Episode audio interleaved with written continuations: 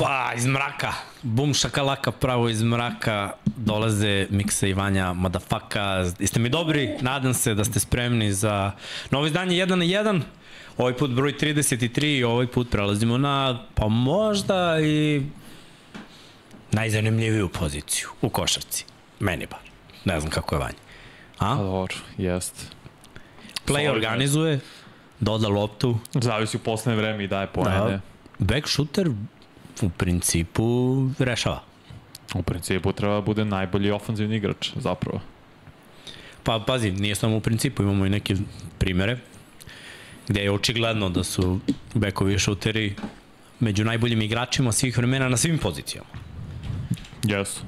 I ti imaš neke od njih ovde na, na svojoj listi. Ovaj, ajde ovako da kažemo, prošle nedelje pričali smo o plevima, imali smo tu neke nesuglasice, neslaganja, ali morate ovo skapirate da ovaj podcast nije kao sad ćemo mi ovaj, da štedimo jedan drugog i da ne kažemo šta mislimo, naravno ćemo se raspljamo i sve to na kraju dana. Sve je cool, mislim. So love. Da, bukvalno, niko, mislim da, mislim da to možda nije bilo skapirano, ali imali smo ideju da bude malo onako žustrije rasprave.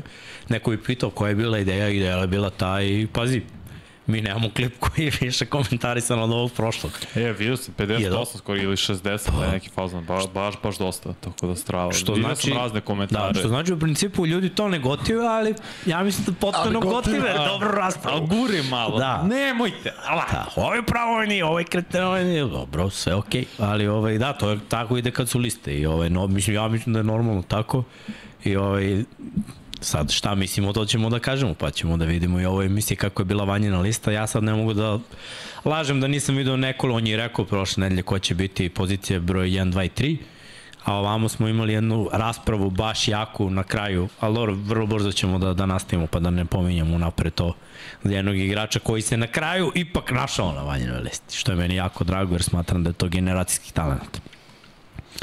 Uh, ajde pre nego što vas uh, zavozamo tom pričom, da vas pozovem da lajkujete, da se subscribe-ujete i odmah da kažem da smo na 29.863 subscribera. Tako da ako već gledate ovo, trošite svoje vreme da bi gledali nas, onda je skroz ok da ako već provodite toliko vreme gledajući 99 yardi, Lab 76 pod kapicom i 1 na 1, da kliknete jedan subscribe, pa ako vas maraju notifikacije, vi lepo isključite ono zvonce, ako gotivite, uključite zvonce, jer mi u principu imamo bar jedan podcast dnevno. Tako, tako objavljujemo, osim vikenda kad je, kada smo free. Uh, što se tiče ovog podcasta, ajde da kažemo da ćemo raditi sigurno još dva ove nedelje, to jest ovaj Ovo i još jedan. i, i nakon toga ću ja na jedan kraći odmor pa ćemo napraviti manju pauzu. 99 jarde će takođe pauzirati jer i Jimmy takođe ide na neki odmor tako da eto malo dok je to zatiše dok nema ničega mogli smo da snimimo unapred pa da puštamo premijeru ali mislim da ako ne uključimo vas u ovu priču o deset najboljih ikada na, na bilo kojoj poziciji, da ako nemamo tu vaše komentare i, i vašu neku interakciju, vašu energiju, onda to iskreno i, i nema nekog smisla. Meni bar. Vanja se složio s tim, on je prvi rekao da ne želi da, da radimo, da snimimo pa da prepustimo premijeru jer je ovako ovako dobro. Ima jedno pitanje odmah na početku, evo Vanja će da odgovori. Uh, Kaže, gde računate Penija Hardave? Ja Penija računam kao playa, a... Ja isto. To. Pa play bio, to mu je bila definicija neka. Možda kasnije u karijeri igrao beka zbog povrede jer su sporio, ali Penny Hardaway je playmaker. Nije bio u top 10, nije bio možda čak ni u top 15, samo hvala Srki. Samo malo. Samo malo, ubi mi srđenja. Još čovjek u majici bez rukava ili to potvoru. Im, imaš bademanti ili duk tamo. Reći si Srki da znaš. Evo je već. Palit ćemo, palit ćemo. Radit ćemo, ali zbog povreda se Penn nije našao u top 10, top 15, kako god okrenemo, jer to mu je skratilo karijeru. Kao i jednom Grantu Hillu takođe. Verujem da nije bilo povreda da bi Grant Hill bio možda čak i top 5 na svoj poziciji, a to je pozicija krila. Ali nikad nećemo znati šta bi bilo kad bi bilo. Ili Jimmyeva fioka nije se desilo. Da.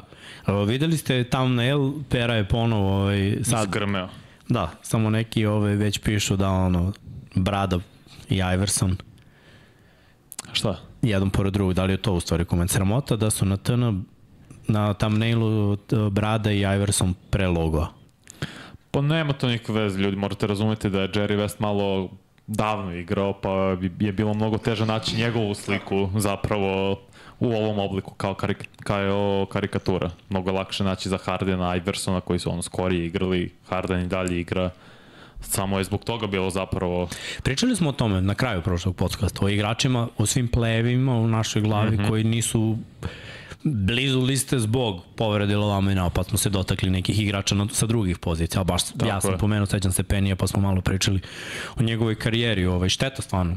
E, Šteta, bilo je, imamo pitanje gde računate Vince Cartera, prošle nedelje smo isto pričali o tome, to je bila debata na kraju Pa nije bilo debata, nego da, Ne, u komentarima, komentarima da. Mislim, posle, znaš šta, ja sam kucao na Google-u, Google izbacio ono Meni je sliku u glavi pored, back shooter, stvarno, tako Ali je gledaj. ostalo od uvek. ali ajde ovako da kažemo, nebitno je, jer da. bio on small forward ili bio shooting guard, mm -hmm.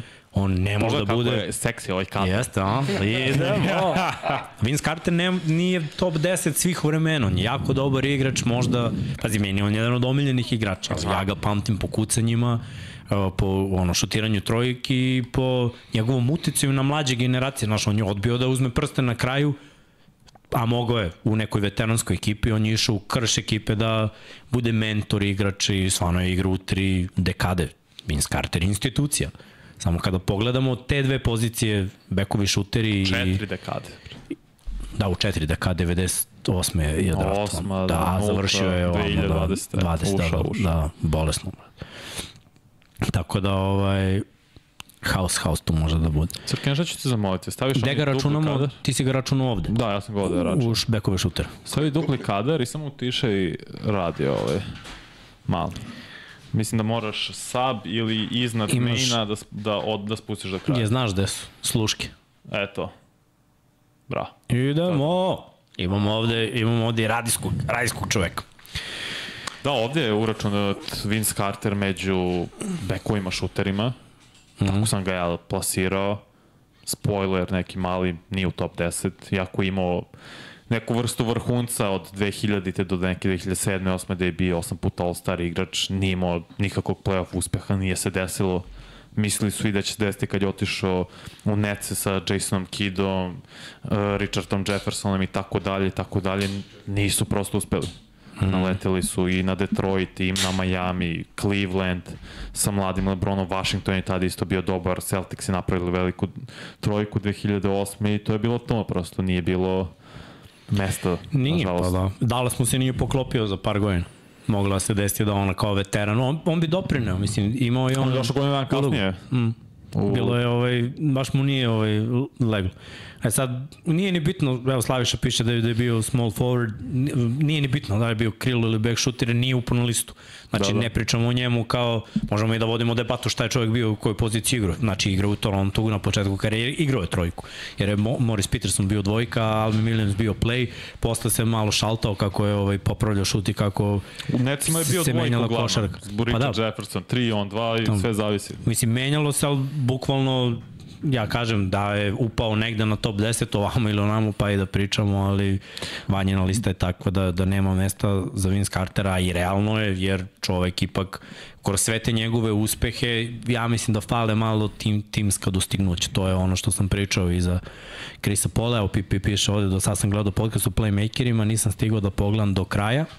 Očekivao sam Tonija Parkera u top 10, šta je on ako nije play, on jeste play, Jeste ali play. Izmako mu, je, top 10. izmako mu je top 10. Tu smo imali tu debatu oko Tonija i oko Krisa. Uh, kaže, Srki, može, može li da je Vanja na levo, a Miksa na desno i prečudno je ovako, brate, ne može sad. zato smo, zato smo i kasnili, zato što smo probali da ne namestimo ovo. Pogledaj ovaj biceps, pogledaj ruku i rame. Vidi ga koliki Pogledaj ovog čovjek. brate. Kad vam ovolika ruka namešta kadar, samo klimate glavom Snaga. i kažete dobro. Da. Da. Gde god da nas staviš, brate, tu smo. Da, šalno Ne strano, ni, zapravo sam ja tu pogrešen, nisam uopšte razmišljao o tome, levo, desno. Ma da. Kako sam prvo namestio, tako ja za sledeći put možda lako da prebacim. a. Bitno je samo da smo uzeli ovaj novi Da, Black da. Magic i da ovaj, Ti na njemu... možeš boks zapravo da zameniš. Znaš šta možeš da uradiš? Da, stavim boks dvojku i- jedan stat. A ne znam da će pore- poremeti. Ne, nećemo to. ali- Da, a, bolje, bolje da ne diramo. Već smo imali, ovako, biće- već smo imali crnilo 1, crnilo 2. Do, dosta je bilo crnila. Da, da. Uh, JJ Redick, teška priča. Kire Odličan. dobar šuter, Odličan ali daleko, daleko do pogrešna era možda za njega. To je on da. pričao, da, da je igrao u ovoj eri sada. Ja verujem da bi JJ imao 20-25 poena sigurno. Ovaj, ajde, ajde da krenemo polako, ali sigurno da ne dužimo više. Uh, pusti Srki prvog igrača, da krenemo top 10. Imamo naravno i nekoliko igrača koji nisu upali na, na Vanjanu listu, pa će Vanja znači. posle da priča o, o tome. Lista ide... Jel imaš Da, tako je. Imamo ovako prvo 10 slobodnih mesta. Da pa ćemo jednog po jednog igrača da, da ubacujemo na listu. Da li imaš grafiku sa kriterijumom? Mislim da to Pera napravi. Nisam vidio, mogu da ako, mogu ako ti potražim. Pa pronađeš, pusti ti realno, pa ćemo mi posle... Dobro.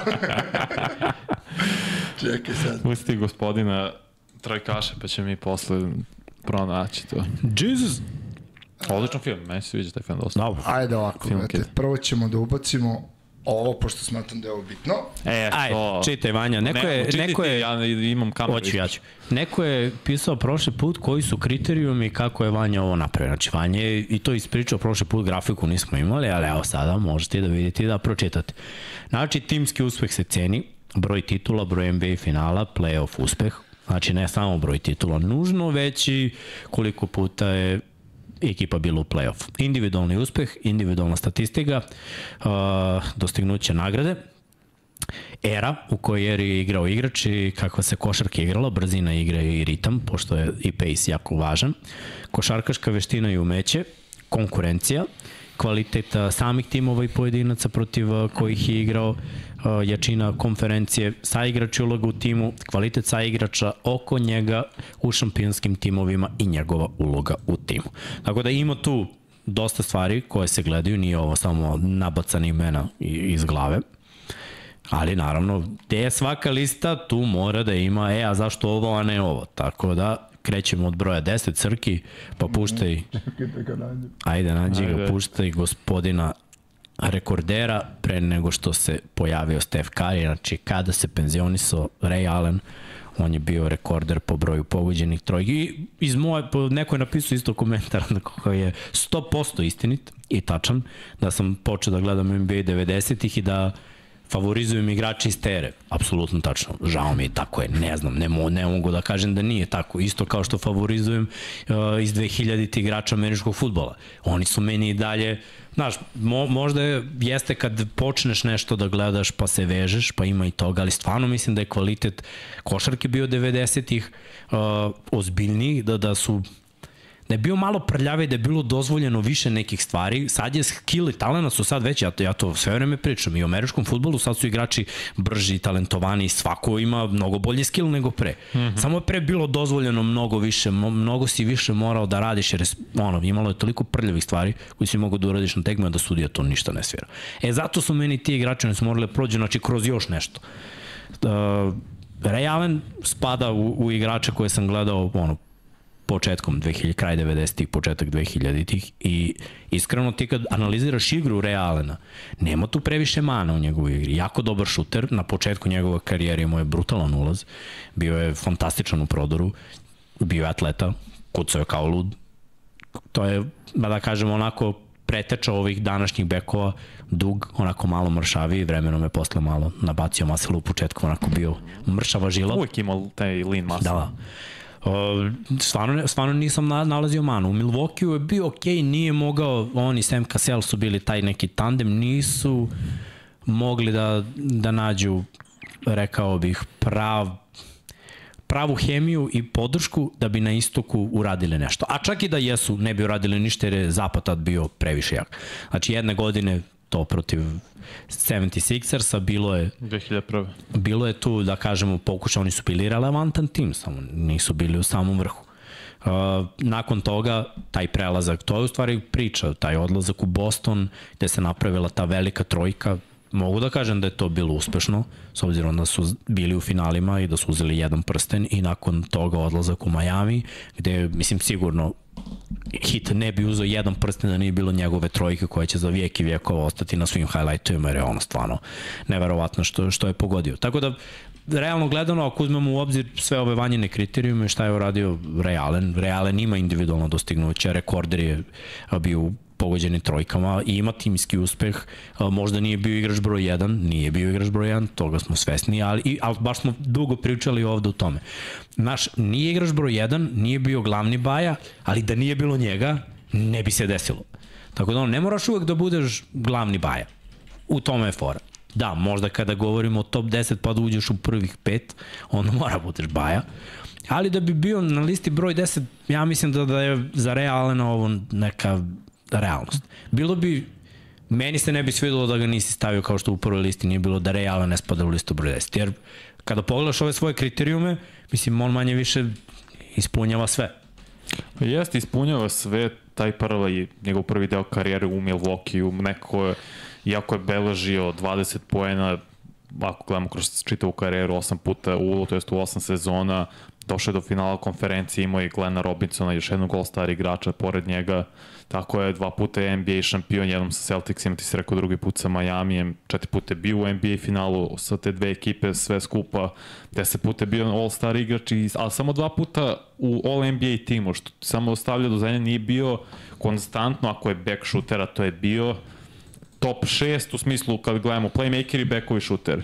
Bio je samo, nikad nije bio ni u prvom toj petorci, ali sve ukupno karijer bio dva puta.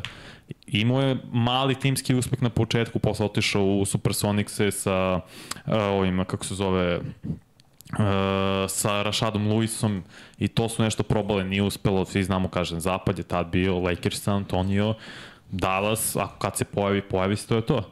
To ti je bio zapadna konferencija i to su najbolje tri tima, da ne spominjem ostale koji su sve bili. Posle kad je prešao u Celticse, no, manja uloga, znači poslednju sezonu u Supersonicsima je beležio 26 pojena, stvarno bio dominantan. Došao u Celtics se beleže 18, zašto? Došao je Garnett, tu i Paul Pierce. Rondo je bio ok play, tad posle se razvio.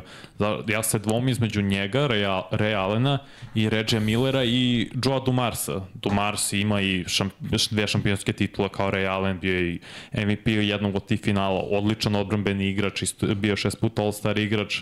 Reggie Miller je bio uvek najbolji igrač u svom timu Pacersima i on ih je predvodio do pet finala konferencija i jednom su igrali finale, ali te borbe nekako sa Knicksima, sa Bullsima, bilo je i sa Miami Heatom, takođe su ostale toliko upečatljive da su Reggie Millera digle u nebesa, jer Reggie Miller je bio samo pet puta All-Star igrač, ja ne znam iz kog da. razloga, mislim, to je, ja kad sam to pročito i čitaš sve, meni to dela mnogo malo. Kad ti vidiš kroz play-off šta je on radio, da. jer on njegov rezime se gradi u play-offu. Možda je to previše upečatljivo pa ostalo. Pa i gledaj i moje te neke momente momente preokreta, momente gde ono, njegova dobra odbrana i njegove trojke i opet što iza Realana kažem, u nekim highlightovima svih vremena, njihovi poeni će ostati za vijek i vijekova da ih vidiš i da budeš u fazonu, znaš, neko ko nije gledao tu košarku će danas da vidi to i da kaže, e, čekaj, ajde da googlam da vidim ove, Mogu hvala. Da, da vidim ove momke i šta su oni radili. Tako da, pazi. Teško je, zato što Reggie Miller mi, mislim da je kao igrač, kao lider, opcija brojen, više postigo od Ray Allena. Mislim, to ne može niko da uspori. Pa jeste, jeste, ali opet s druge strane, ko ti je bolji šuter? Ajde, o, o bekovima šuterima. Ko ti je bolji šuter, Ray Allen ili Reggie Miller? Mislim, ja ću odmah ti kažem, meni je Ray Allen. Iako obožavam Reggie. Reggie je Pa ne znam. Definicija onoga što volim kod igrača. Znači, to je motor, nestaje, još od svoje ono ruke sezone kada je pričao te anegdote ono protiv Jordana i sve kako je na jedan teži način došao do, do spoznaje šta treba, a šta ne treba pričati i raditi u ligi pa do ono poslednjih dana, mislim, sećamo se svi. Ja mislim da Ray Allen ne bi imao ovaj timski uspeh da nije otešan kraju Celticsima u Miami. I da bismo pričali o njemu van top 10. I kad ti kad gledaš taj playoff 2008. sa Ray Allen, on je bio treća opcija. On u tom playoffu imao šest utakmica sa 20 plus poena, ostala dvojica imali mnogo više. Još Garnett je godine bio defanzivni igrač godine, I sledeće je, godine... Prihvatio je ulogu, no? Ne, ne, sve to stoji. On mi sledeće godine, sećam se, to, to utakmicu sam i gledao protiv Chicago Bulls, utakmica broj 6 u prvoj rundi, da 51 point. Izgubili su to meču. Oni nisu prošli drugu rundu, zašto Garnett nije igrao taj čitav playoff. Što je, znači, njegova odbrana je toliko njima nedosta, nisu mogli da prođu drugu rundu, izgubili su u sedmi utakmici na kraju od Magica. 2010. tu već Rondo izlazi na scenu. I on je realno bio drugi najbolji igrač u tom, nije šampionski tim, ali u tom timu koji je igrao finale. Paul Pierce, on, Garnett je beležio 15 i 7, Ray Allen je beležio 16 pojena, to je već bilo A dosta vremena, timski... to je dosta već vremena prošlo, znaš, ti tu njega 2010. Da, da. Vanja gledaš kao, mora da ga gledaš kao. Jer ovo što Jeste. danas gledamo, ove anomalije, da ljudi igraju po 14 godina, znaš, to, to nije baš normalno. Niti je ne igraju na nešto što se dešava svaki dan, ja razumem.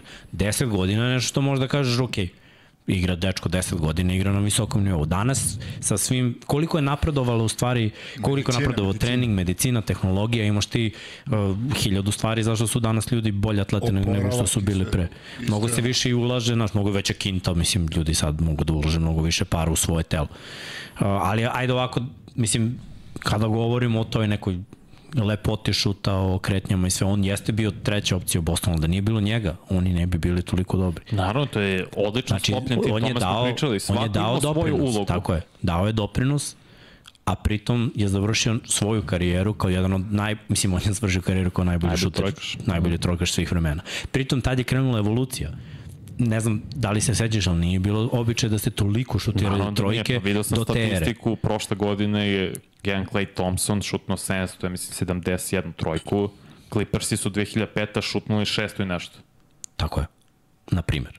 Znači, to je nevjerovatno. Pa se uh, Ray kad je postavio rekord u sezoni, to je bilo tu oko 250, 256, valjda ako se ne varam, Steph kada je oborio rekord, on je imao pogođeni. Imao je 400 nešto pogođeni. A Clay je bio drugi sa skoro 400. Mislim, vidiš koliko se uzima više, ali to je bio, bio jedan mali korak u evoluciji ovoga što vidimo danas. Tako da, ipak je nekako nešto promenio i nešto uradio i, mislim, ostavio ogroman pečat. Ja da mislim da, da on zaslužuje da bude top 10 i da tu nema dilema, vi ljudi pišete. Evo, koliko vidimo ovde... Šta kažeš? Pa ono, svi se slažu. Nisam nijedan komentar pročio da ljudi kažu da Reale ne treba da bude top 10. Meni je bilo dilema između njega, kaže njega, Reggie i Joe Dumarsa. Ne znam koliko se ljudi sećaju Dumarsa.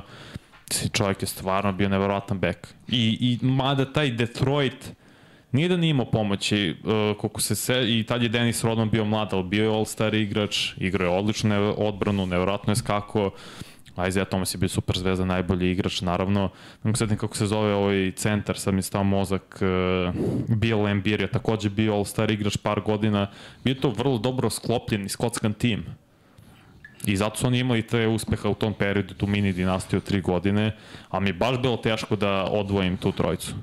I na kraju, Jeste, ok, da. Ray Allen ipak i... Malo sam uticu, priznajem. Jesi, ne, ok, malo jesi uticu, ali gledaš uloga u timu. Realan je vodio svoj tim, neko, da je Reggie uspeo jedne godine da odvede te Pacerse, da, ih, da prelome Nixe, da prelome Chicago, bili su toliko blizu toga da i da dođu do finala da možda osvoje, stavio bi ga pre Ray Allen, zašto on to uradio kao najbolji igrač u svom timu. Allen je morao da napusti svoj tim, još jedan tim nakon toga da oklupi super tim Altene. Ali imao je svoju ulogu, sve to stoji i za deseto mesto je skroz to dovoljno. Ništa, možemo na, na sledećeg. Videli ste individualno ostvarenja Ray Allena. Na devetom mestu je George Germ. Iceman. Najjači nadimak ima čovjek. To Ajde je... da vidimo uh mhm. -huh. Srki sliku sa njegovim individualnim i timskim dostignućima.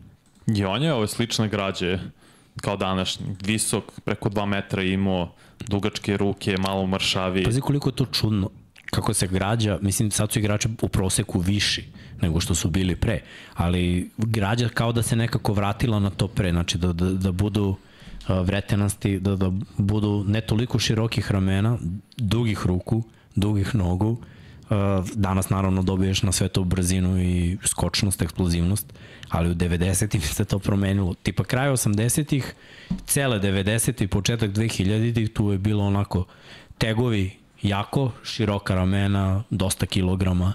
Ma, malo se to promenilo sve i danas opet je otišlo u ono što je bilo pre. Ono, trendovi se uvek vraćaju, to, to je u, svemu izgleda. A meni to deluje, brate, sad meni to deluje, um, znaš, kad si igrala fizička košarka, morao si da odgovor kako, brate, se biješ sa Kempom, sa O'Neillom, sa, ne znam, Juanom i ostalima, A sad, brate, svi šutiraju, svi su brzi, svi su pa. pokretni, svi, osim Jokića, koji nema, pametan. Da, nema više, nema više toliko tuče, to je činjenica. Da, da. Ajde, ti si nabrao pozicije central, pre su i bekovi bili napucani, mislim, i, kad i pozicije 3 i 4 mu mora da- neko da, da ima mišićnu masu.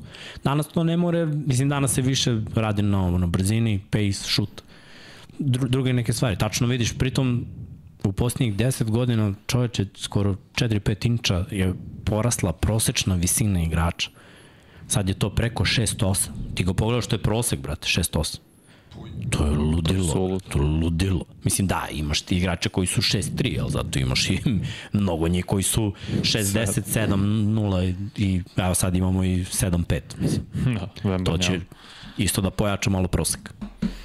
Da, ali Iceman je bio čovjek, prvo igrao u ABA ligi, ABA-u. Za San Antonio Spurs, prvo za Virginia Squires, pa onda došao u, u San Antonio, koji prvi par godina prove u ABA-u, posle su došli u NBA-u i on ih je vodio. Inače, Spurs, ne znam da ljudi znaju, su na početku bili u istočnoj konferenciji. Oni su došli, dolazi do finala konferencija tri puta, čovjek je u, i, i u ABA-u bio All-Star igrač nekoliko puta, u NBA-u bio 9 godina, znači od kad se pojavio u NBA-u, dok nije otišao, dok nije počeo da igra u Evropi, bio je All-Star igrač svake godine. Četiri puta je predvodio ligu u poenima. On je pre Jordana držao taj rekord za bekove. Njegov naj, najbolji, najpopularniji potez jeste taj finger roll. Što je on zapravo uveo, pa su posle, pos, ostali počeli da kopiraju i tako dalje. Stvarno je bio Jelly. ubitačan. Hm?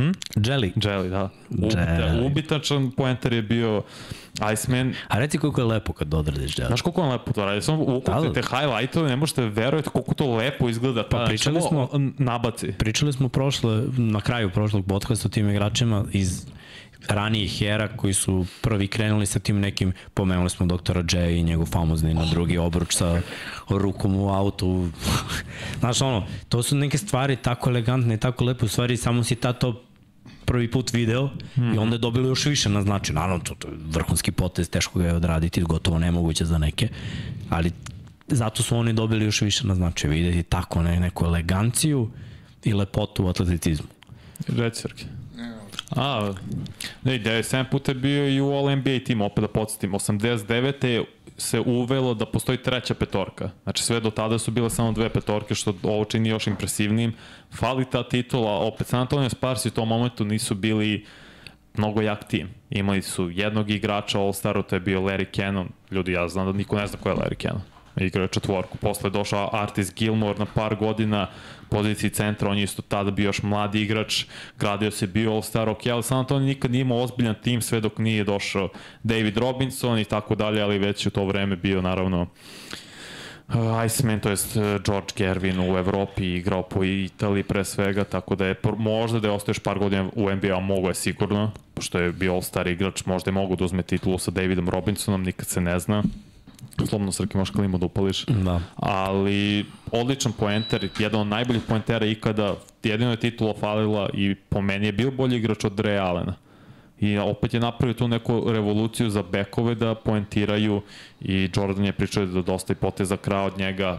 Naravno, Jordan je posle oborio njegov rekord po broju sezona gde je predvodio NBA, kao, gde je predvodio NBA u, u poenima kao bek, ali ja ne mogu da napravim listu da nema ovog čoveka ovde. Gledaj, sad chat gori ovde, da završimo sa, sa Gervinom, nemam tu ovaj, nikakve dileme. Ja sam već rekao moje mišljenje o igračima koji dolaze iz era koje nisam gledao. Cenim statistiku, naravno to su legende, o njima nema šta da se priča, samo nemam, nemam šta dodat osim očiglednog što si već izdeklamovao. Sad ljudi ovde gore o Reggie Milleru, ono, sa malom pauzom. Teško je bilo, ali... Sad je krenulo, pa da, i sad naravno priča o tome. I neko je napisao da je jako te, da su nezahvalna ova poređenja i liste kad se porede igrači iz potpuno različitih era. Jeste Možda jedna... je stil igra, ali dostignuće su dostignuće. I No. činjenica da je Ray, Ray, bože, realan, Reggie Miller bio pet puta All-Star igrač u svojoj karijeri da je igrao 19 sezona. Ne znaš, igrao malo sezona. Ja ne znam kako se to desilo. Da on bude samo pet puta All-Star igrač, da Mhm. bude All-NBA igrač dva puta ili tri u svojoj karijeri. Jako, playoff uspeh je toliko podigao Reggie Millera I meni je žao što se on povredio 96. na početku play-offa, valjda mu bio slomljen nos ili tako nešto, pa nije mogu da igra prvu rundu protiv Atlanta Hawksa, pa su ih Hawks izbacili. Možda bi ta Pacers napravili još ne, veće čudo, jer je bio odličan skotskan tim, ali povreda je udicala da Reggie Miller ne igra te godine play-offa.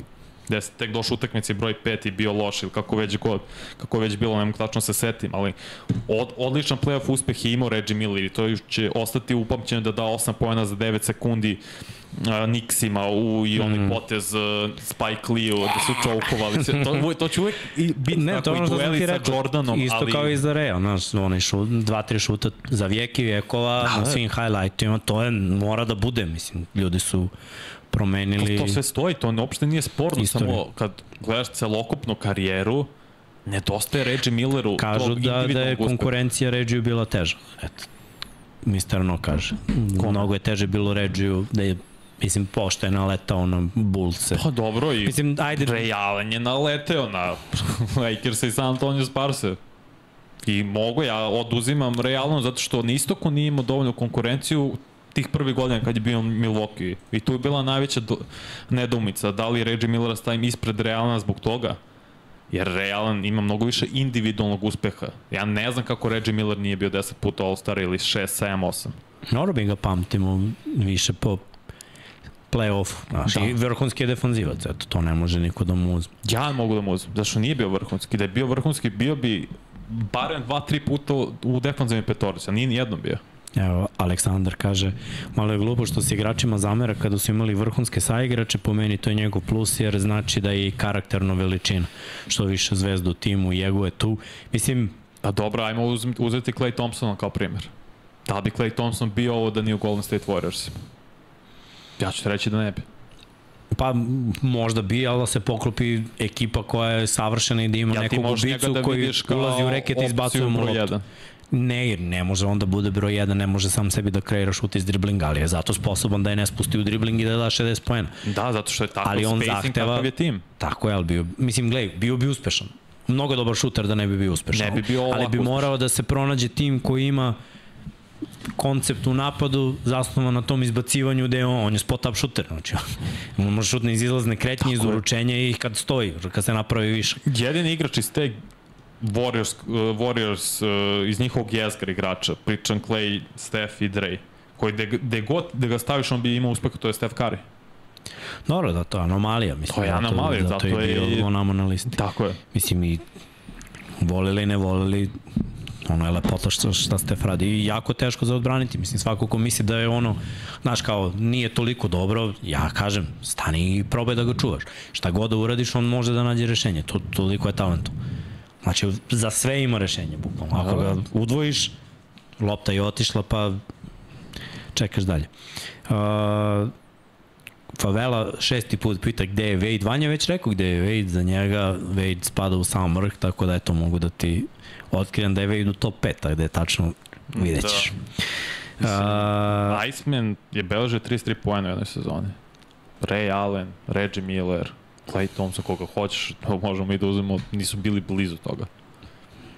Meni to dosta znači kao opcija broj 1, znači ako veče se pripremaš za tog igrača, da njega zaustaviš i on čovjek, tačno sećam, bila jedna sezona gde su on i David Thompson bili, mislim sećam se, čitao sam naravno i gledao dokumentarcu o tome, razlika između njih dvojice u poenima, na kraju je bilo, ovo imao 27.22, ovo imao 27.15 to, i David Thompson je poslednjem meču u sezoni dao 71 poen da bi ga prestigao. I ovaj je dao 63 samo da, to, da bi to sprečio. I dao je 33 u jednoj četvrtini. To je ozbiljna veličina u kojoj god eri ga staviš.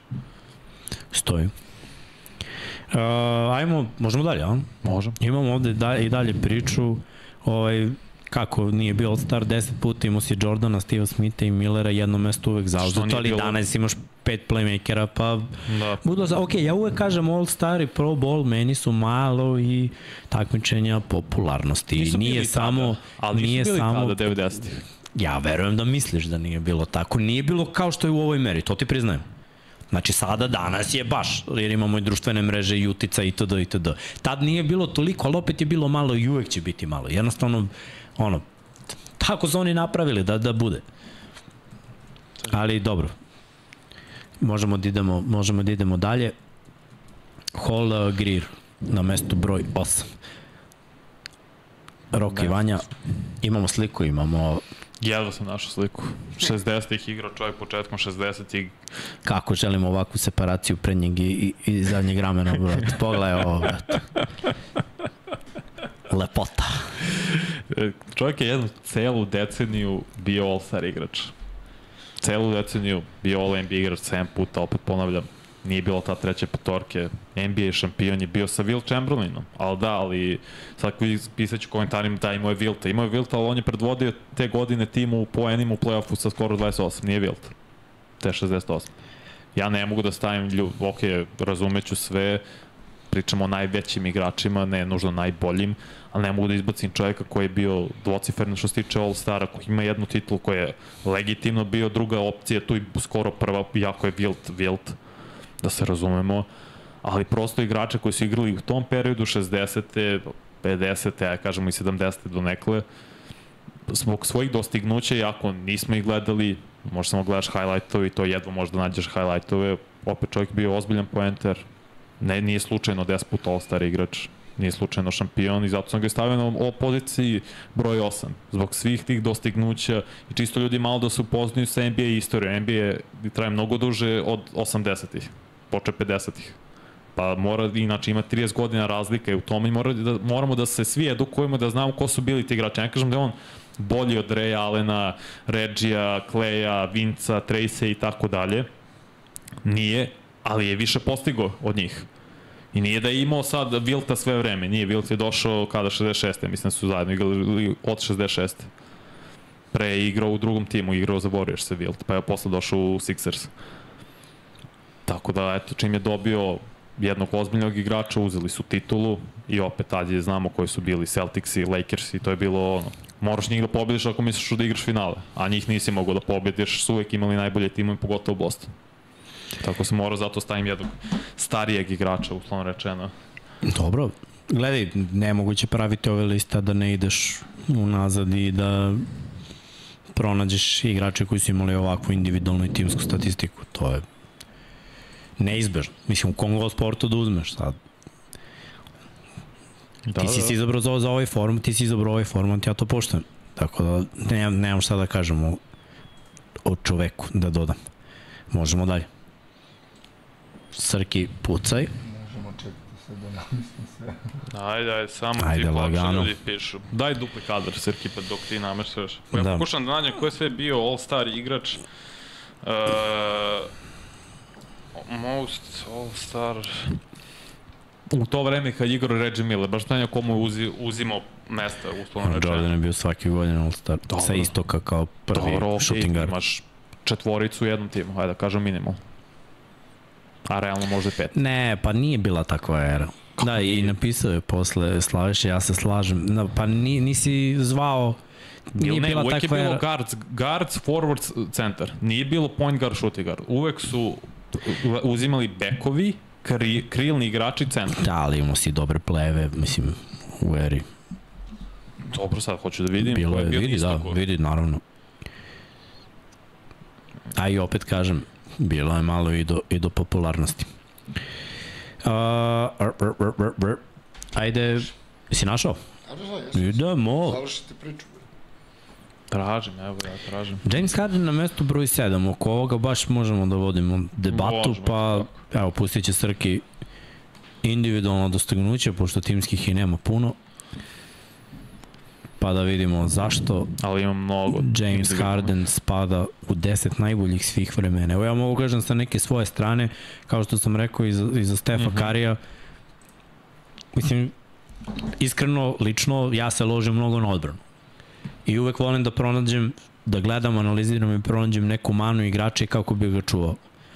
Jako je teško, mislim, gotovo nemoguće. Ja- James Hardena ne možeš da čuvaš. Mislim, uspećeš ti nekoliko puta, ali on je čovjek izvalio kako da uzme faul, izvalio je kako da te ostavi na kuku, izvalio je kako da napravi dupli stebeke, da pljasne trojku, odakle god. Mislim, to je sve nešto što ide njemu u prilog. Igra u eri košarke koja mu dozvoljava neke stvari da radi levoruke. Jako je teško ući u šut levorukom igrača da ne napraviš faul s obzirom da on pušta i noge napred onako malo, pa manje više skoro uvek izvuče faul, pa smo sad dobili promenu pravila Tako za, za ofanzivni faul kada igrač baca noge u napred kao što to radi James Harden, pa smo dobili pravilo da kada ti uhvati tvoju ruku dok vodi loptu dribla levom, pa uhvati tvoju ruku i stavi ih između svojih. To su sve neke tako namazane i dobre fore koje je James Harden radio. Ali James Harden nije timski igrač. To je meni najveći problem sa, sa Hardenom. Ne samo da nije timski igrač, već redko koga oko sebe on može da učini boljim igračem. U principu, osim centra, jer čovek jako dobro zna da igra pick and roll, ima odličan osjećaj i za timing, kako dati asistenciju, da li iz driblinga i levom i desnom rukom, da li da ide e, do kraja, da li da ide na lob, da li da ide na floater. To su sve stvari koje on radi pa mogu da ga stavim u top 3 svih vremena za takve neke stvari. Ne igra odbranu, to mi je onako velika mana cele njegove igre i utiska uopšte. To, to, znaš, to, taj manjak zalaganja, opet manjak timske igre, pa njegove odluke i izolacija koju oni konstantno igraju gde god on ode, neko mora da napravi akcije gde će on da odmahne celoj ekipi da se oni skloni i znaš, ono, četiri igrača bleje sa strane. Nemam problem sa pick and rollom, znaš, ali mnogo često ga gledam kad igra 1 na 1. I to mi je onako baš užas što se tiče Jamesa Hardena. Timski, mislim, on jeste bio najbolji igrač svoje ekipe i vodio je I do Houston do finala konferencije. To je najdalje što je otišao. Kada je bio u Oklahoma, bio je šesti igrač. Tako je. Nije bio toliki faktor. Davao je on poene, naravno, opet ne želim da umanjim. Igrao je sa Durantom koji je tad bio broj jedan u ekipi. Russell je bio divlja koji sve to organizuje, povezuje i donosi energiju. Harden James Harden je ulazio u klupe i da. tako. Ali gledaj, to je bilo jako dobro. Ali ta ekipa je bila toliko zelena da oni jednostavno nisu mogli ništa da urade kad je došlo do, do velikog finala. Baš se videlo da ono, potencijal je tu, klinci su dobri, ali jednostavno još su mladi i neiskusni. Tako da nije bilo ništa toga. Ali tu mi je nekako bio više naklonjen timu. Kako se odvojio i kako je napredovo individualno. A on je stvarno dosta napredovo, popravio je šut, radio je dosta sa momcima koji igraju, sa profesorom je radio na driblinzima, fintama, nekim Sebe foricama. Ko, to tako je najveći napredak. To je, na, to je veliki napredak, ali on je on postao sposoban sam sebi da organizuje napad da sam sebi stvori bilo kakav šut. Da li je šut sa polu distance, trojke, step back, ulaz, pa da onda uključi neko ko utrčava na backdoor ili šta. Ali, realno gledano, naš, ostaće on upanćen ikada. Samo što ja lično mislim da on nikada neće ostvariti nikakav timski uspeh govorimo o osvajanju titule. James, Nužno i ne moraš da osvojiš titulu da bi bio top 10. James Harden i Reggie Miller su ti obrnuti igrači. Ovo što James Harden ima individualno MVP lige, to je teška stvar, opet dvocifran broj All-Star, pojavljivanja, 7 puta bio All-NBA igrač, uglavnom je sve bilo u prvoj petorci. Ti opet da predvodiš ligu u poenima tri puta, pa onda i u asistencijama. Ajde ovo da kažemo predvodio je ligu tri sezone i po broju uh, šutir, ne, ne, ne, šutiranih slobodnih bacanja. Da, da, to je iznuđivo kako god je hteo i želeo. Gledaj, to su njegove fore koje su mu prolazile dok da, da. nije bilo sankcionisano strane lige, ali brate, on je šutirao dvocifreni broj Tako bacanja je u proseku tri sezone.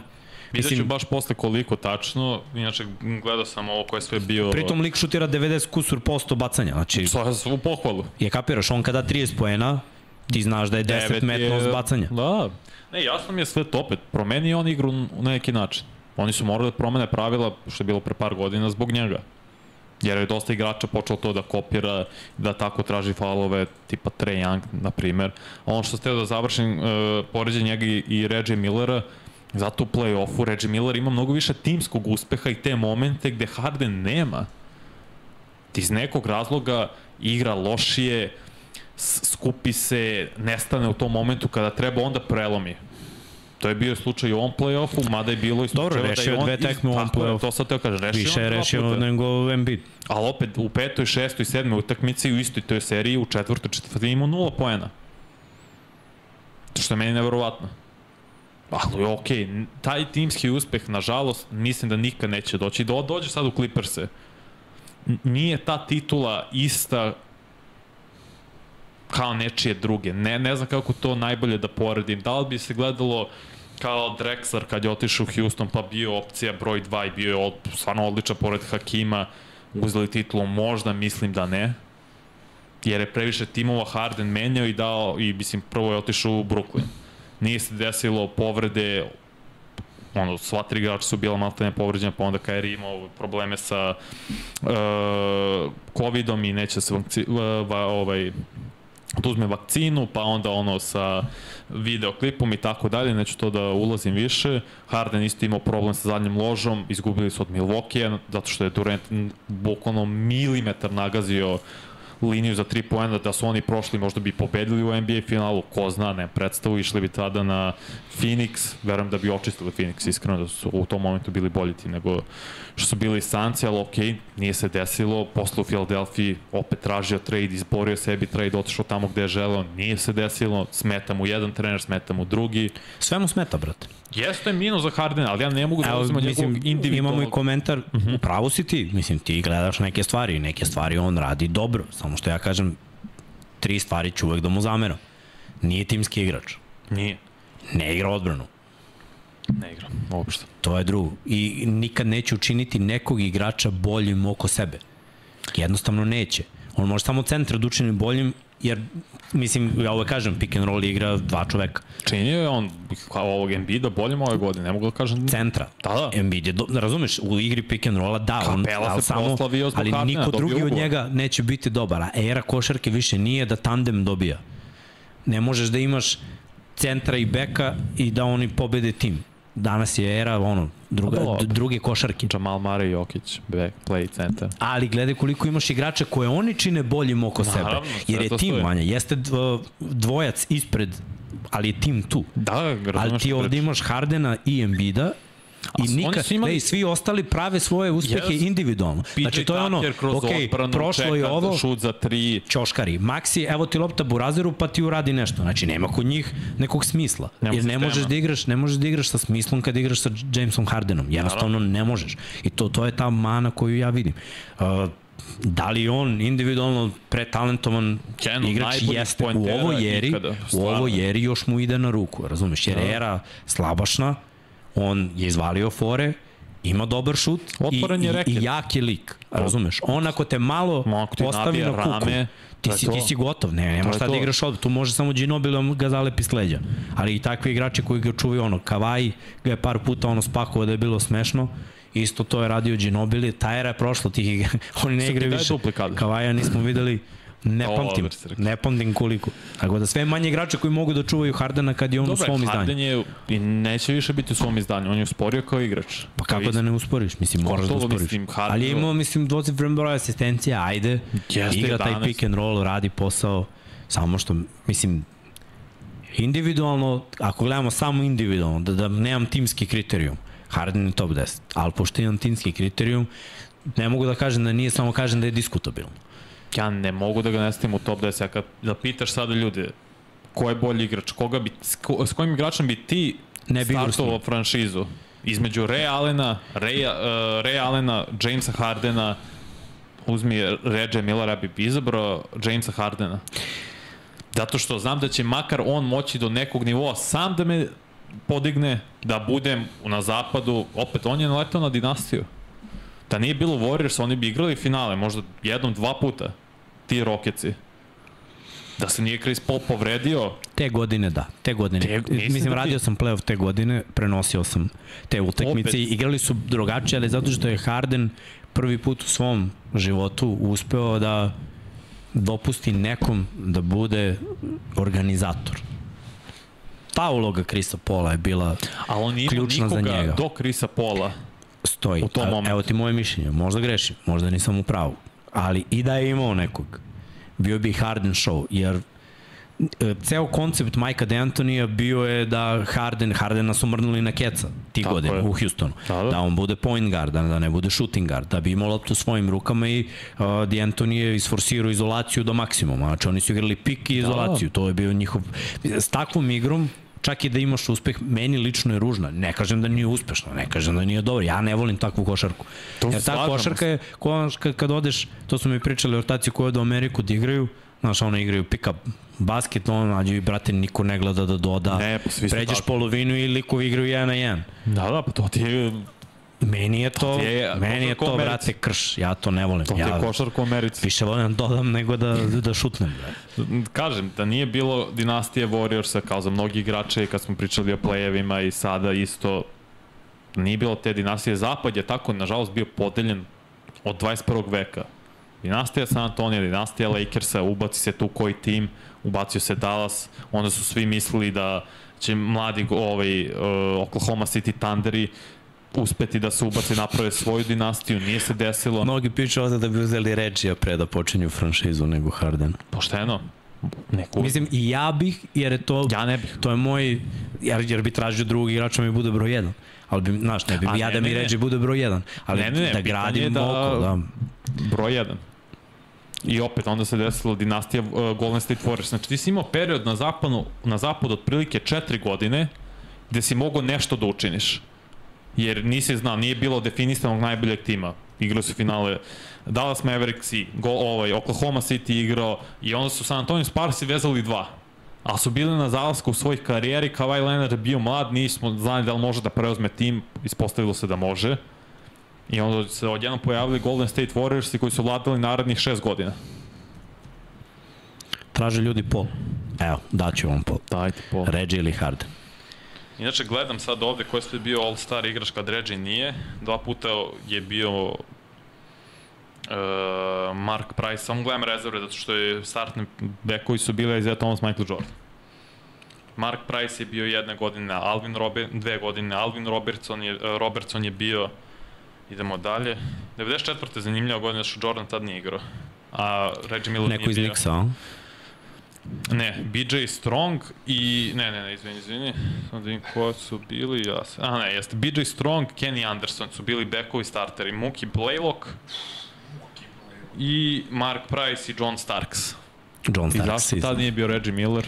A mogo je da bude. Dobro, ne, O, ja te samo pitam, mislim, pitam, ne pitam ljude, ne pitam tebe. Nije, znaš šta, ti, opet kad kažem, kada gledam individualna dostignuća, tu će Reggie nešto da fale, ali njegov mentalitet, Nesporan. to je, znaš šta, to je nemerljivo. To ne, neopipljivo je, znaš. I, I ne možeš da, da uzmeš ne mogu da poredim, jer samo kad bi uzeli ovako da stavimo mentalitet Reggie i Hardena, brate, Nebo i zemlja. stvarno je nebo i zemlja. Nebo i zemlja, Stva, a, sve stoji. ok, razumem da se to ne računa, samo, brate, stvarno je nebo i zemlja. Harden i njegov mentalitet i ovo, to ponašanje njegovo dive i ovo je, to je meni užas. Užas. Zamisli njega i Draymonda u ekipi, brate. Dobio Volio bi bi to da vidim, i iskreno. Harden pesnaju. Uh, Nego nego, se Penny Hardaway pojavio ne, ne, Penny, kad je došao, Tim brate, Hardaway takođe. Muki Blejlog. Muki Blaylock, Atlanta Falcons, on, je, o, Atlanta Falcons, Atlanta Falcons. Muki Blelok je bio prvo ime benda Pearl Jam. Bravo, mi, a, mi sad... Bojana, Bojana piše, Bojana piše, ne Jeste, to mi je omiljeni bend, tako da Eto, pozdravim. eto, Bojan zna dosta stvari. Bojana Bojan Kidelica, je baš kidelica. veliki pozdrav. Kaže, Vanja, uz dužno poštovanje, naj, najče kad... Ovaj, Uz dužno je- poštovanje, da, da, ali, krenemo. Da, ali ne. uh, mislim da... Poštovanje. Ali ne. Da legendarni igrači iz 90-ih u poređenju sa današnjim gledaš samo kroz statistiku. Pa Pa, ne. dobro, na šta, vidiš kako smo ostrašćeni. Ja gledam ove iz 90-ih kao bogove, Pa Vanja gleda ove da gledam kasnije iz tako, Chris Paul bi bio 2000-ih. top 5 playmaker, ne bio John o, Stockton i tako dalje, svi ispred njega u suštini. Vrlo sam svestan ko je Reggie Miller, ja obožavam Reggie. Ali No. Harden mislim da je bolji igrač. Nema timskog uspeha na tom nivou kao što ima Reggie Miller. Istina, čokavo u play-offu, ali Reggie Miller i Pacers Da. su imali ozbiljne timove tada. Imamo jedno finale. Ajde, da ne kažemo da nije stigao do velikog finala, Da. da. stigao je jedan. Koliko je Polu trebalo, jebote, cela karijera da dođe do... Chrisu Paulu. Da, da. Da. Pa ljudi, realni da nije došao Celtics, ne bi on i do, imao titulu. Moguće, ali nećemo Ne tome, sigurno. ne, ali ne nećemo tome šta bi bilo kad bi bilo. Ne, ne bacamo se ovde prognozama, ne igramo se Nostradamusa. Samo gledamo šta je uradio nego do, samo do tog momenta. Ne, ne, ali nemoj, gledaj za celu, pošto sumiraš celu karijeru u utisku. Ok, ja znam Samo, šta samo znaš kažeš, samo, samo kažeš isto. Znači, u celoj karijeri Reggie nije imao, ima nije jedno imao final. tu čast da odigra veliko finale. Imao je jedno final, 2000. Uh, Chris Paul jednom, James Harden jednom. Znači, treba stići do velikog finala. Ne moraš da ga osvojiš nužno, ali, znaš, opet, ne, nećemo maniti Karlu Melonu što je gube, ali, brate, čovjek, znaš, Stockton su čovjek je stigli bre do velikog finala, to je velika stvar. Mora stigneš do velikog finala. To je, ako hoćeš da bude, kao ja kažem, američki futbol je moj sport. Ako nisi stigao do Superbola, To je, znaš, to je problem. Trebalo je da stigneš do Superbola. Opet je mnogo teže ovde, pet igrača možeš mnogo individualno više da uradiš. Utičeš, da, da. Ali najveći igrači trebalo je bar da stignu ono do finala konferencije ili do Superbola jednom. Kad god u karijeri. Mislim, i Randy Moss je stigao do Superbola kad je bio u 49ersima ono na kraju karijere. Stigo je sa Patriotama. Tako je. 2007. Jedan. Nije osvojio i onda je bilo, pazi, u glavi mi je bilo, ako osvoji ovde, brate, sa San Francisco 2012. I to ću da mu priznam, jer je bio čovjek institucija. Znaš ono, rekao bi, ja doprinosio je on. Nije da je sedao na klupi, znaš, nešto je radio. To je razlika, ja kad vidim, evo, opet, Ti Hard- ceniš da neko bude top 2, Tako je. tako je. da bude stvarno zbog njega smo uzeli ili jed, on je jedan od glavnih razloga zašto smo mi uzeli te godine titulu. Ja verujem za 2008. da su bili Paul Pierce i Kevin Garnett. Pita Mihajlo što niste na grafici pisali u koliko je finala učestvovao kao za player. Nismo pisali, ali Nisam, kazat mislim ćemo. sam za Bulko. A? Pa Harden. nema, nema sad. Ne, ne, ne, nego za bekove šutere. Za plejeve je bilo i to. Bilo je za Ray Allen četiri puta. Nije bilo za Georgia Gervina zato što nije bio ni jednom, a bilo je za Halagrira. Nije bilo sad za Harden. Za Hardena nije bilo. Samo sa Oklahoma mi ušao u Da, veliko da, da, finalu. samo za Hardena sad nije bilo. Dobro. Ali možemo, možemo Eto, dalje. Mihajlo će rešimo. Da, da. Uh, vr, vr, vr, vr. A sada, Čekaj da vidim neko još Ne šta može. kaže. Daj, daj, daj, ti. ja sam da pustim drums. Ti. Drums. Pozdravljate Bojana, kaže 87. godište, slušalo se osnovno i srednjo i mada mi je Nirvana omiljena. Sedmo, šta je ovo? Svi smo 87. brate, ubite Vanju mladog. Valja 97. Valja 97. Da, dobro, to je sedmica. već. Sedmica, to, to, to. Sedmica, to. Evo, Ognjen kaže da te tetoviram za kaznu. A, Suđeno ti je, suđeno ti je da ti istetoviram, brate. dobro, ajmo, ajmo da sledeći igrač. Ne daj Bože ja da te tetoviram. I... Ja, može sledeći? Može, može, Može, može. specijal, specijal za miks. Sjelan za miksu, bez. Jovan ću ti reći da... Allen Iverson. Ovo preko veze, ali Ne, nije. šalim se, šalim. A, znaš šta je razlika između Jamesa Hardena i Allen Iverson? Sve. Ne. Jedno NBA Evo, finale. sve je razlika. Jedno NBA finale razlika. Obojca su, na kraju se ispostavilo, Sixersi su tradeovali Iverson, više nisu mogli ga trpe. Isti su igrači u napadu, malte ne bili, obojca pre svega pointeri, drže loptu kod sebe, Nije bilo isto. Vrlo su Zato što je Iverson davao sve od sebe u odbranu. Mix, Glej, imao je ukradene. sve, Imao je, lo, jurio je loptu. Jurio je loptu. Kao to je bio njegov zadatak. cornerbackovi loptu. Mogu da te pitam nešto. Iskreno mi odgovori. Sad ti je rekao Juri loptu. Što Harden ne Juri loptu? Zašto ga boli uvo? Mislim, Istina. Mora budeš, Ne ne, može da nije kaže da su isti. Znači, Iverson se ložio. Kod Jamesa Hardena nema momenta loženja. Kod Jamesa Hardena ima momenta žaljenja. Loženja On je taj lik. Znači što Shaquille O'Neal pričao koji je respekt imao prema Znam, nije Iversonu. to da ga blokiran i, i više navrate zato što je ona previše ima poštovanje. E, to je razlika u mentalitetu, pojavi, to je velika razlika. Nemo, ne, nemo molim te, brate, da kažeš da mi je Iverson isti kao Harden. Nemoj, brate. Stvarno, stvarno nemoj. Znači, ovo me, je- ovo me, brate, pogodilo. Možda, znaš, nije bilo isto. Iverson je bio drugačiji lik. On je, znaš, sa svojim saigra, on je morao da rešava. Jer niko drugi nije hteo i niko drugi nije bio sposoban u tom timu i oni su znali u tom napadu Lerija Browna da ako te godine kad je on bio MVP, godine. da ako on ne radi posao, niko neće. Da li je on imao svoje mane? Da Harden nije radio posao, da li bi što Houston radio? Ne bi. Ne bi bio priča. Da Harden nije radio svoj posao. Glej, Harden radi svoj posao ofanzivno. Ne radi defanzivno. Iverson nije bio, prvo govorimo o liku koji je 1,83 m. James Harden, Bog mu je dao sve. James Harden kad se pojavio u ligi, on je kucao kao lude, tako. Video si da može i kapuljaču i sve. Iverson je kucao s 1,83 m. Putback. To je prvo impresivno. Sa mojom visinom da se odraziš i- i da kucaš. James Harden je doveo sebe do toga da bude debeo, da ne može da se kreće. Znaš, ono, osnovne stvari koje on radi, da toliko batali trening. Iverson nije forsirao trening, ali je, brate, uvijek bio sajla, dok je igrao. U Fili. Posle kad je otišao u Denver, krenula je Blejca i itd. itd. Zato kažem da ono, koliko god ga ja voleo, ja ga pamtim iz File, a ovo kasnije je već bilo onako možda i, i, da ne, i, možda i da ne zasluži da bude u top 10. Ali ono malo što je on uradio u Fili, mislim što to nije malo, ali da malo. kažemo taj mali uzorak od 4-5 godina vrhunskih partija koje je on pružao. To je meni više nego što je James Harden uradio u svojoj karijeri. On je imao, brate, više od dve ukradene lopte po tekmi.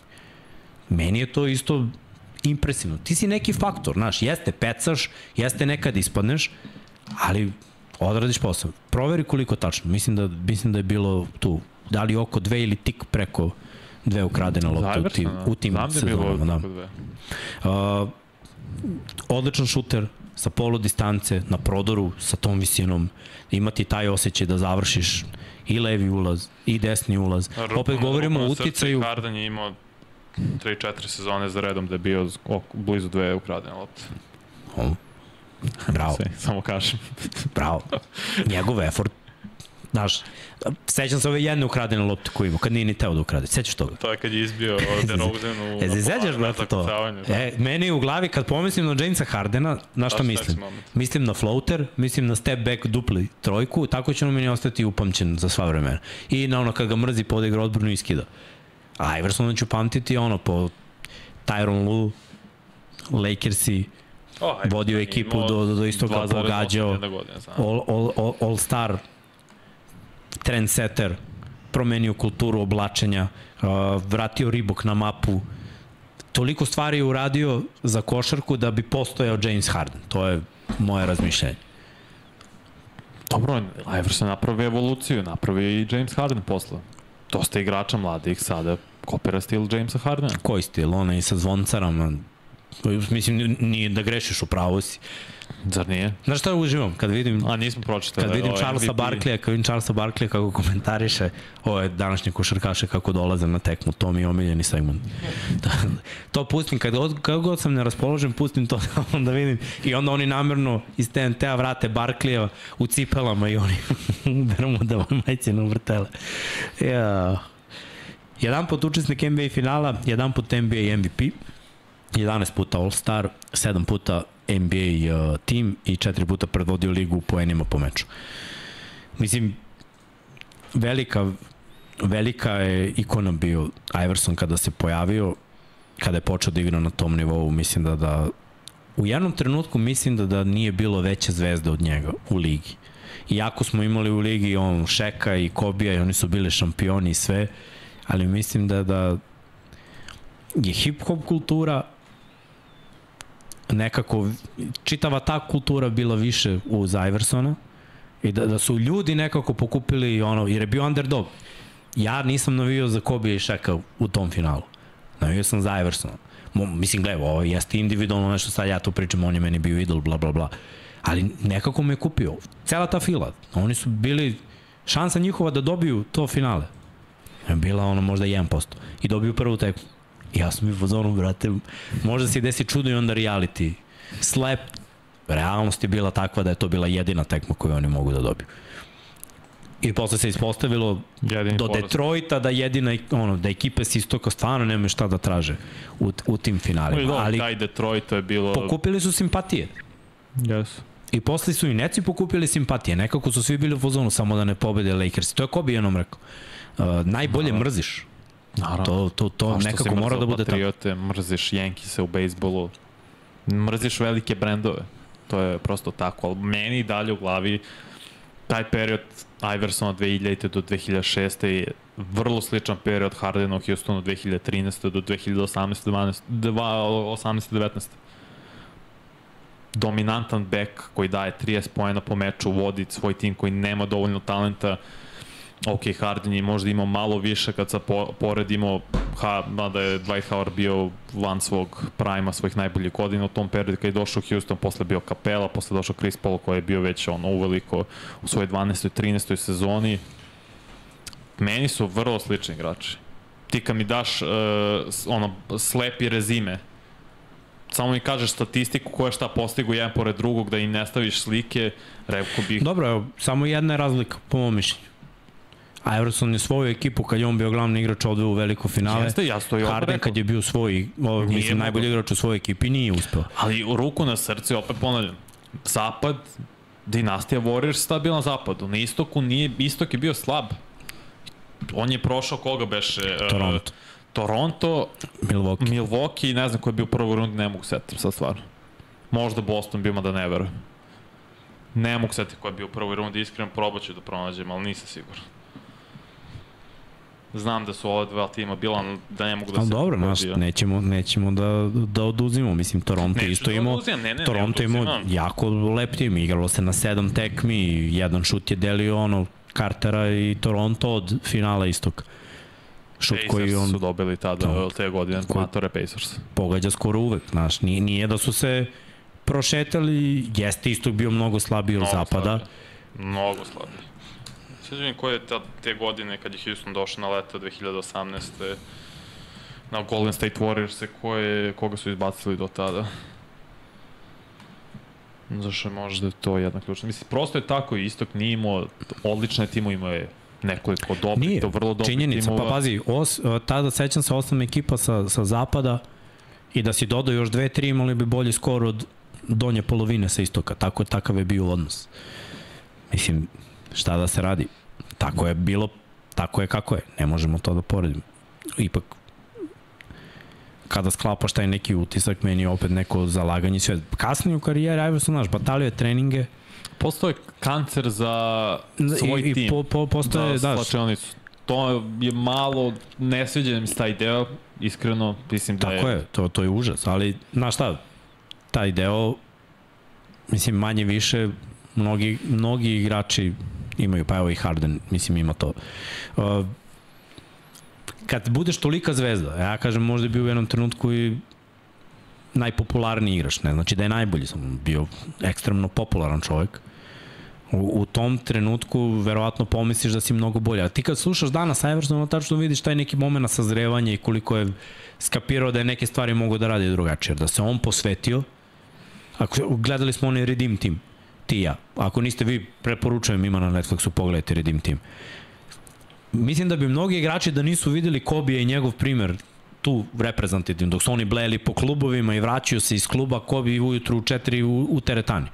I onda ovi najbolji su skapirali, brate, treba budemo u, u teretani, na terenu, a ne da budemo u klubu.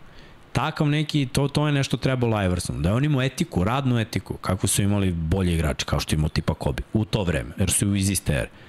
Verujem da bi bio mnogo bolji igrač. Znaš, mislim da i Hardenu i Iversonu fali radne etike. Dosta. Kaže Pa. Harden, vidi se po njemu, po njegovom telu. Ne možeš da budeš milioner i jedan od najboljih igrača u ligi, a bio je jedan od najboljih, bio MVP je, čovjek. da, da. I ugojiš se bre i vidi se da imaš ono, stomak i vidi se da nisi u kondiciji. Ne smeš bre to sebi da dozvoliš. Treba da budeš ono, Ja uvek kažem, u današnjoj eri meni je ono Le Lebron kao lik kako treba budeš. Da treniraš ko lud, da vodiš račun o tome šta jedeš, kako si Westbrook ubacio istraži. Znaš, to, to su ljudi koji vode račun o svom telu. Ja. I opet kažem, Iverson koji moj idol bio kad sam bio klinac. To ništa nije radio. I to mu je velika mana. Znam, ja, ja ti zato kažem, Harden i Iverson meni vrlo slični. Možda pričamo Vrlo o zalaganju, no, rekao si isti, to Ok, nemoj, ali da, vrlo slični, slični to da. igrači. Jedina razlika je po karijeri koja šta postigao to NBA finala Iversona u slabijem Mhm. istoku. Ali to, to je to. Nema razlike suštinski između njih, sem zalaganja što je Iverson dao više u odbrani i igrao u suštini cornerbacka ala, ovaj kako se zove, Trevon Diggs. Jure uglavnom loptu pušta, hvatače i rizikuje. Dobro, tako je bila se. tako je bila timska Ne, zamisao. naravno. Ja mogu da igram, ja mogu da igram u timu s nekim ko radi to, jer znaš, mi imamo taktiku kako ćemo da pokupimo to, ali da dobijemo nagradu u tri uh, presečena dodavanja po tekmi, koja Iverson kad ti preseče to dodavanje, to je dva poena, mislim, koliko samo se sećam u kad znaš, onako je tipne, nikoga ne stigne, on je dečko leteo u ono vreme. Bio jedan od najbržih igrača u, u ligi, koga se sećam. Baš je bilo nemoguće. Sećam se i moj coach koji je ovaj iz Denvera, što je Bronco se bio tight end coach. Uh -huh. Pričali smo o tome ko je najveći atleta možda. Oni sad, imali smo tu debatu, ono, sedimo, igramo karte i pričamo o debati i on onako niš čega iz tišine baci.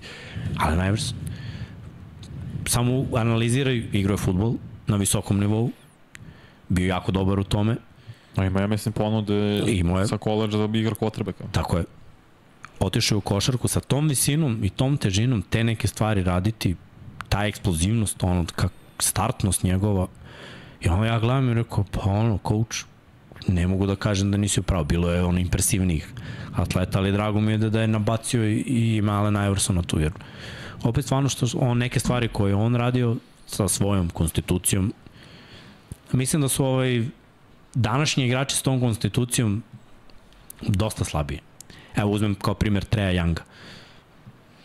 To je otprilike ta neka građa. Ne može se porediti. Ne Mnogo se. eksplozivniji je Ne, bio ne, ne, ne, ali e, Mnogo današnje, mnogo e, ti imaš igrače koji su jako, a uzmemo Krisa Pola, on je jako uspešan, ali igra na drugu foru, sad sa to mislim Kyle Lowry, slični Krisu Polu nego Alenu Eversonu. Drugačiji tip građa.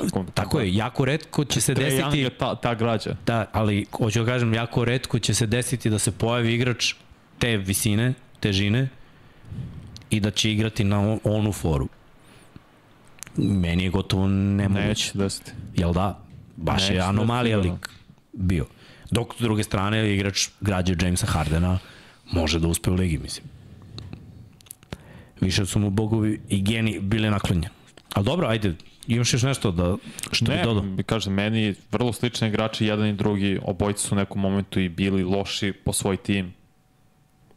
Možda malo, Iverson malo više, ima malo više timskog uspeha, ali slični igrači, to je to. U Denveru ono je bila dobra generacija koja se sklopila, samo eto A i tad je... čim je on otišao, došao Billups, mm. zreli lider, oni su igrali finale konferencije. Da, da, da. Zato kažem, bila je, bila je jako dobra generacija, samo što... Ken Martin mislim da je isto bio tad u Denveru. Da, on je odmah otišao iz Neca u, u Denver za pare, valjda. Ako se ne varam. Ne mogu se da li bio treba znam da je bio tamo. Ne mislim da je bio slobodni agent. I onda je Carter došao za, u, umesto mislim nije bio trade, nego je Carter potpisao za Nece, a Kenyon Martin je otišao valjda u, u Denver, ako se ne otišao Martin. Mislim da su je iste otišao godine. kasnije. 2004. Mislim da, da je, Carter došao 2004. u Nets. pa da. I mislim da je Kenyon Martin otišao. Koliko se sećam iz Krstićeve Jeste. priče, to je bilo tako. Da, da, jeste. 2004. do 11. je bio u Da. Nuggetsima. Uh, Hoćemo dalje. Dobro, ajmo dalje, da, da, ajmo dalje. E, ovo je sad jedan od mojih omiljenih igrača, imao sam njegov dres i nemam pojma odakle i kako. Iz Sad sam teo da pitam zašto nisi donao taj dres. A, bio ko klinac, ne, nemam pojma. Evo. Iz Rocketsa, Pa crni onaj dobro, dres. nema veze. Evo moj dačić, ajde. Clyde Drexler. Clyde the Glide. Jak nadimak. Baš, baš, baš jak nadimak. I mora bude ispred i Iversona i Hardena, jer sad kad budemo videli dostignući njegova. Ja mislim da je Clyde bio ozbiljni igrač. Da, i šampion je bio te godine baš sa Rocketsima 95. drugi najbolji igrač na timu pored Hakima, tri puta igrao finale, znači dva puta je vodio Trailblazers do finala, jednom su izgubili od Pistonsa, jednom su izgubili od Michael Jordana, to ne mogu ništa zameriti, deset puta je bio All-Star igrač i pet puta je bio All-NBA igrač, opet od 89. je, je uvedena treća petorka, možda bi ugrabio još par, da je bila ranije ta treća petorka, ali je neverovatan igrač i bila je ozbiljna polemika, makar na početku, ko je najbolji back shooter tada, da li Clyde Drexler ili Michael Jordan. Nije bilo u pitanju uopšte Reggie Miller. Meni je mnogo Naravno, bolji Clyde Drexler. brate, I to što je je postigao- samo igrao na zapadu, to je Da. druga priča. Inače, bio jako- da je bio na istoku za All-Star, ne bi bilo mesta tu za mnoge momke. Čovjek bio institucija, stvarno, stvarno institucija, to je ozbiljan igrač, govorimo o, ono, pa možda o top 5, ali, znaš šta, ne, ne vanjine liste, nego top 5, realno svačije liste bi trebalo da bude bekova šutera Clyde. Zato što je sve imao čovjek, ja ne, ne znam šta on u svojoj igri nije imao. I Odlično. opet imao i timskih uspeha, imao i individualnih uspeha, jednostavno takva je bila era. I opet, uh, meni lično možda grešim, ali te šampionske titule iz tih era više cenim nego nekih kasnijih era. Kažem, možda grešim. Mislim da je tada, mislim da je ta, tada bilo malo teže zbog svega onoga što sam na početku pomenuo, jer je mnogo toga bilo dozvoljeno. A danas je to nedozvoljeno. U toj eri kao da igra, uh, liga i igra su bili više naklonjeni defanzivnim igračima i tim nekim nedozvoljenim stvarima koje dan, danas su baš liga je naklonjena ofanzivcima. I to mislim nije danas, to traje već neko vreme, mislim da su da je sad već pa možda čak i decenija. Malo manje od decenije, ali da kažemo da danas se mnogo više ceni. Sad zamišljam, opet ne, ne želim to da radim jer to je šta bi bilo kad bi bilo, ali zamišljam te neke igrače koji su davali poene i radili neke stvari kroz one odbrane kako bi bilo da su mogli da više rade na svom šutu s polja, koji nije bio tada deo igre, i koliko bi onda bilo poena i tih nekih stvari koje se danas gledaju. Ono, uzet ćeš statistiku, podvući ćeš, znaš, koliko je ovo, koliko je ono. Oni su, ja mislim, takođe bili sposobni da imaju visoke procente šuta za tri, samo taj šut nije bio deo igre tada. Ne mogu da kažem šta bi, znaš, da li bi ili ne. Imao si ti tada ljude koji su bili specializovani, ono, uska specializacija šut za tri pojena. Ali njihova uloga u timu nije bila da budu igrač broj 1 ili igrač broj 2. Znači oni su samo znali da čekaju svoje i, i da izlazni pas i onda Čovjek, stvarno Kaže, jedino što Clyde nije imao je kose. Da. Istina, mislim, čovjek veži nekoliko puta preko 25 poena u proseku u jednoj sezoni, tako, to je za ne u jednoj, nego za jednu sezonu, tako da je stvarno bilo neverovatan je, ne možeš kad god, meni je to ključna stvar, ako ti kao najbolji igrač možeš svoj tim makar da dovedeš do finala, tad su bili Lakers i dalje sa Magic Johnsonom, glavna pretnja na zapadu, ti si morao kroz njih da prođeš maltene zato što su oni igrali finale konferencije jedno 12 puta ili 13 koliko smo videli kad smo gledali kad smo pričali o Magicu Johnsonu prošle put. To se znalo. Dinastija jedna je postojala, na, na istoku su postojale tri dinastije, Boston, Pistonci na kraju Bullsi, a ovde si mora prođeš kroz Lakers i oni su uspeli dva puta.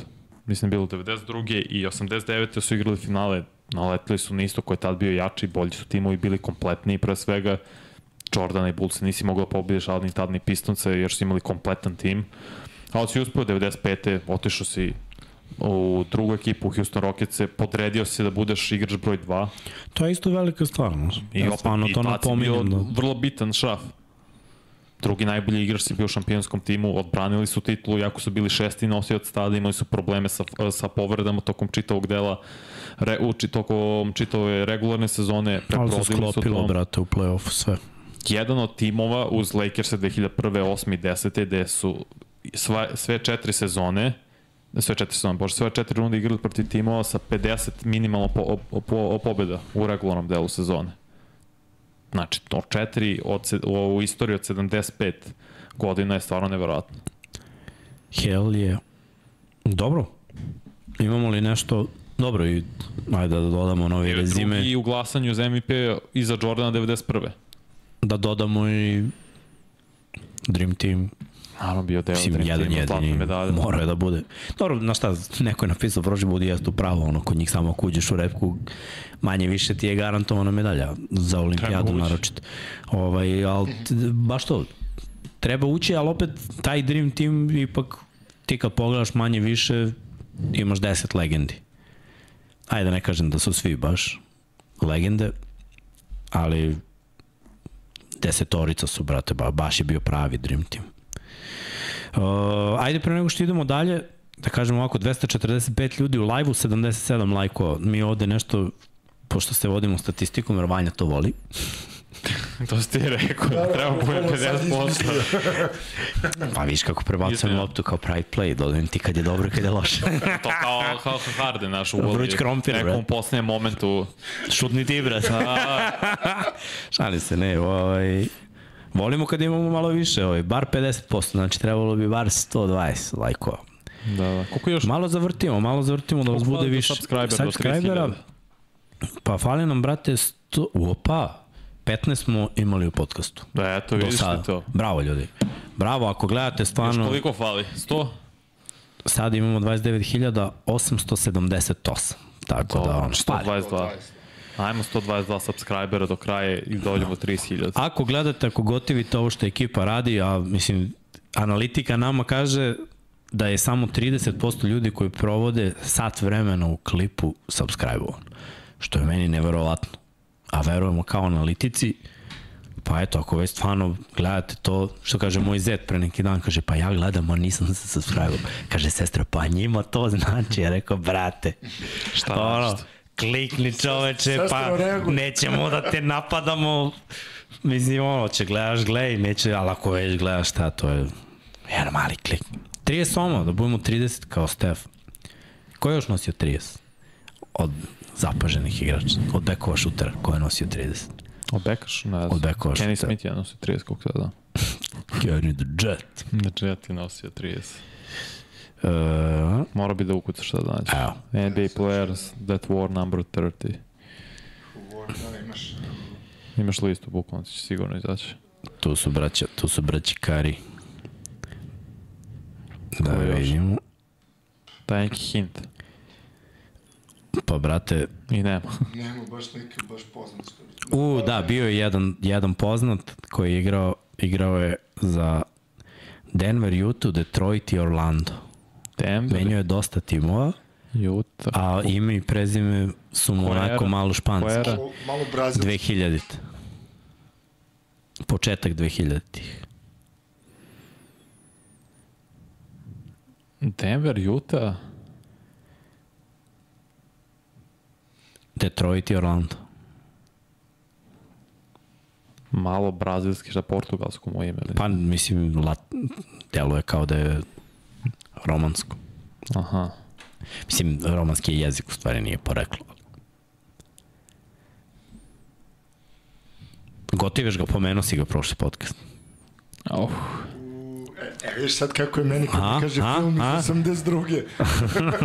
Pa seti se, Carlos Arroyo. Se ne bi setio. A, ne bih se setio On iskreno. nije Brazilac, nije. Nije Portorikanac. Portorikanac. Ali mislim, latinsko je ono. Kao. Razvalio si me s tim e, S tim sam te me- Ko je rekao Brazil? Ja nisam rekao Brazil, ja je sam on rekao. On rekao još gore, izvini, izvini ti, a ti... još gore, bre. Jedan igrač Majamija. Da si mi rekao, da si mi rekao da je dobio sam američku reprezentaciju, ja ne znam koga misliš. Pa, brate, I jest. To na olimpijskim igrama kad je dao očito jednu bukvicu i lekciju, pff, ima, ima dosta ovde imena.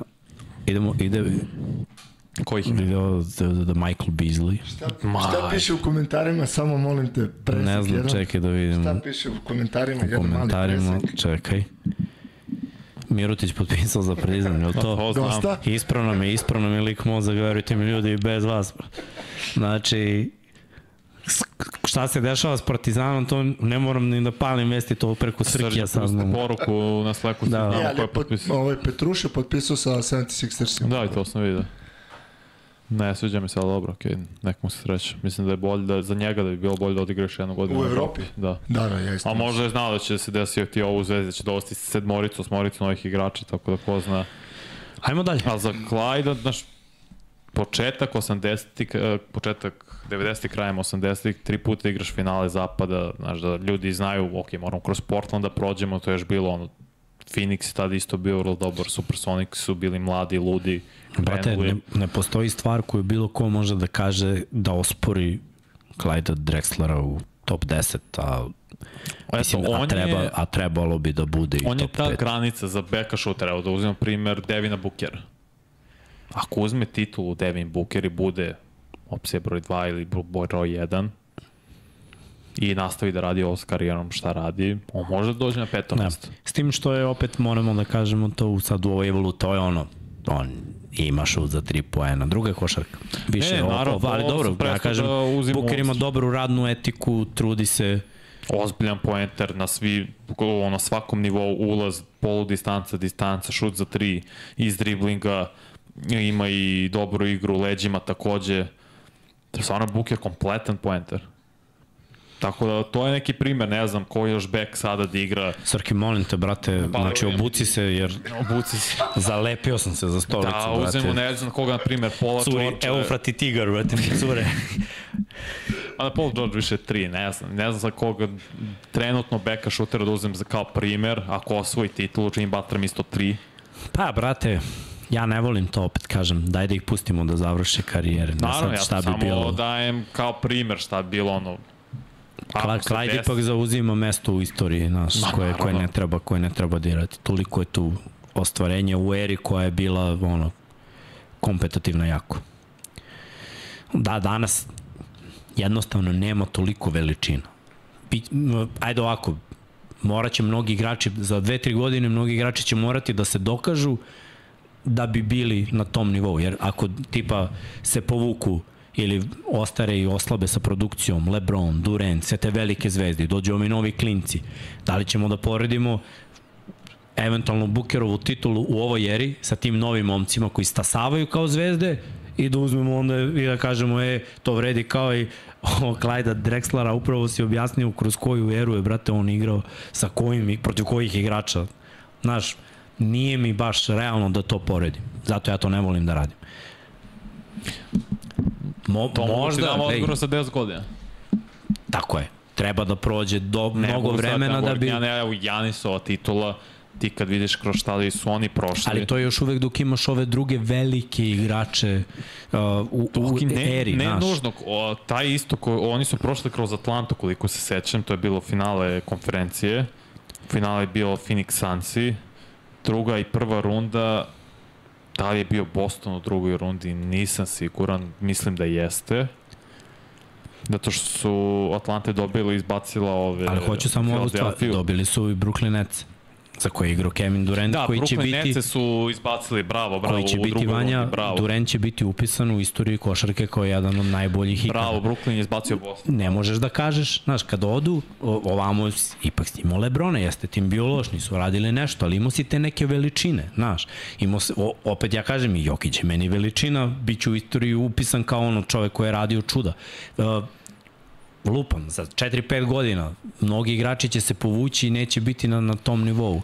Ne mogu da poredim Ti tu plašiš eru. da li će biti, da li će narodna Da li će biti generacija... kompetati, tako je, da li će imati zvezde kao, ne znam, možda hoće.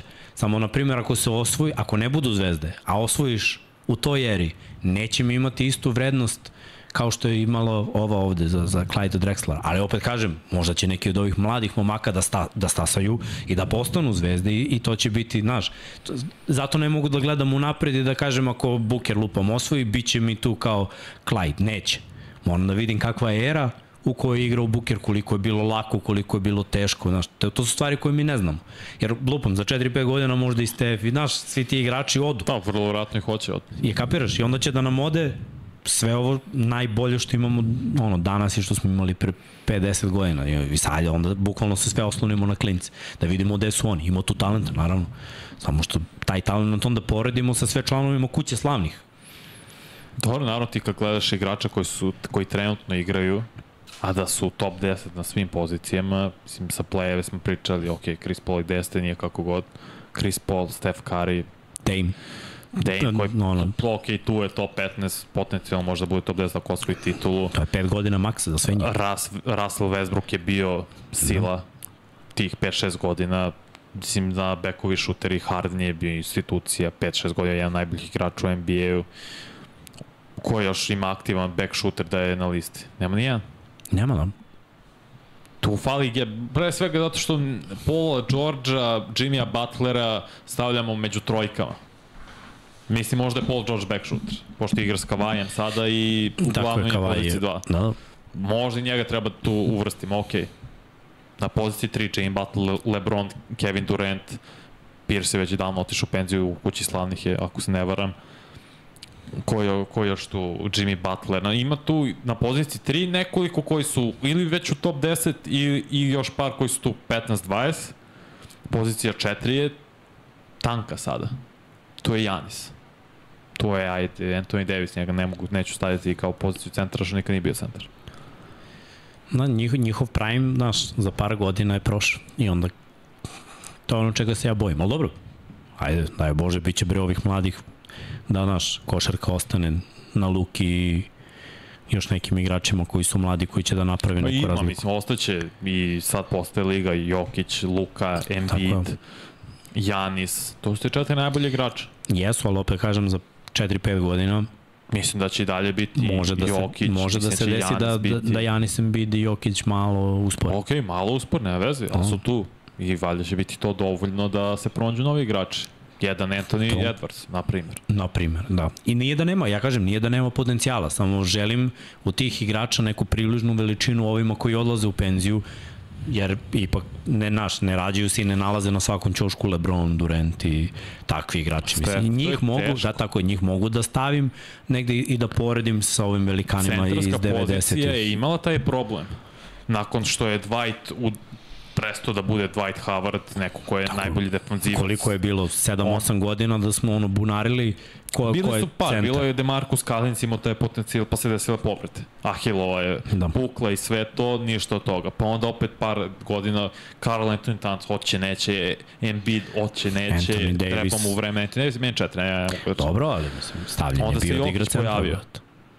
koji je predominantan, ali sad imaš Jokić Embiid, ko je sad centar broj 3, 4, 5.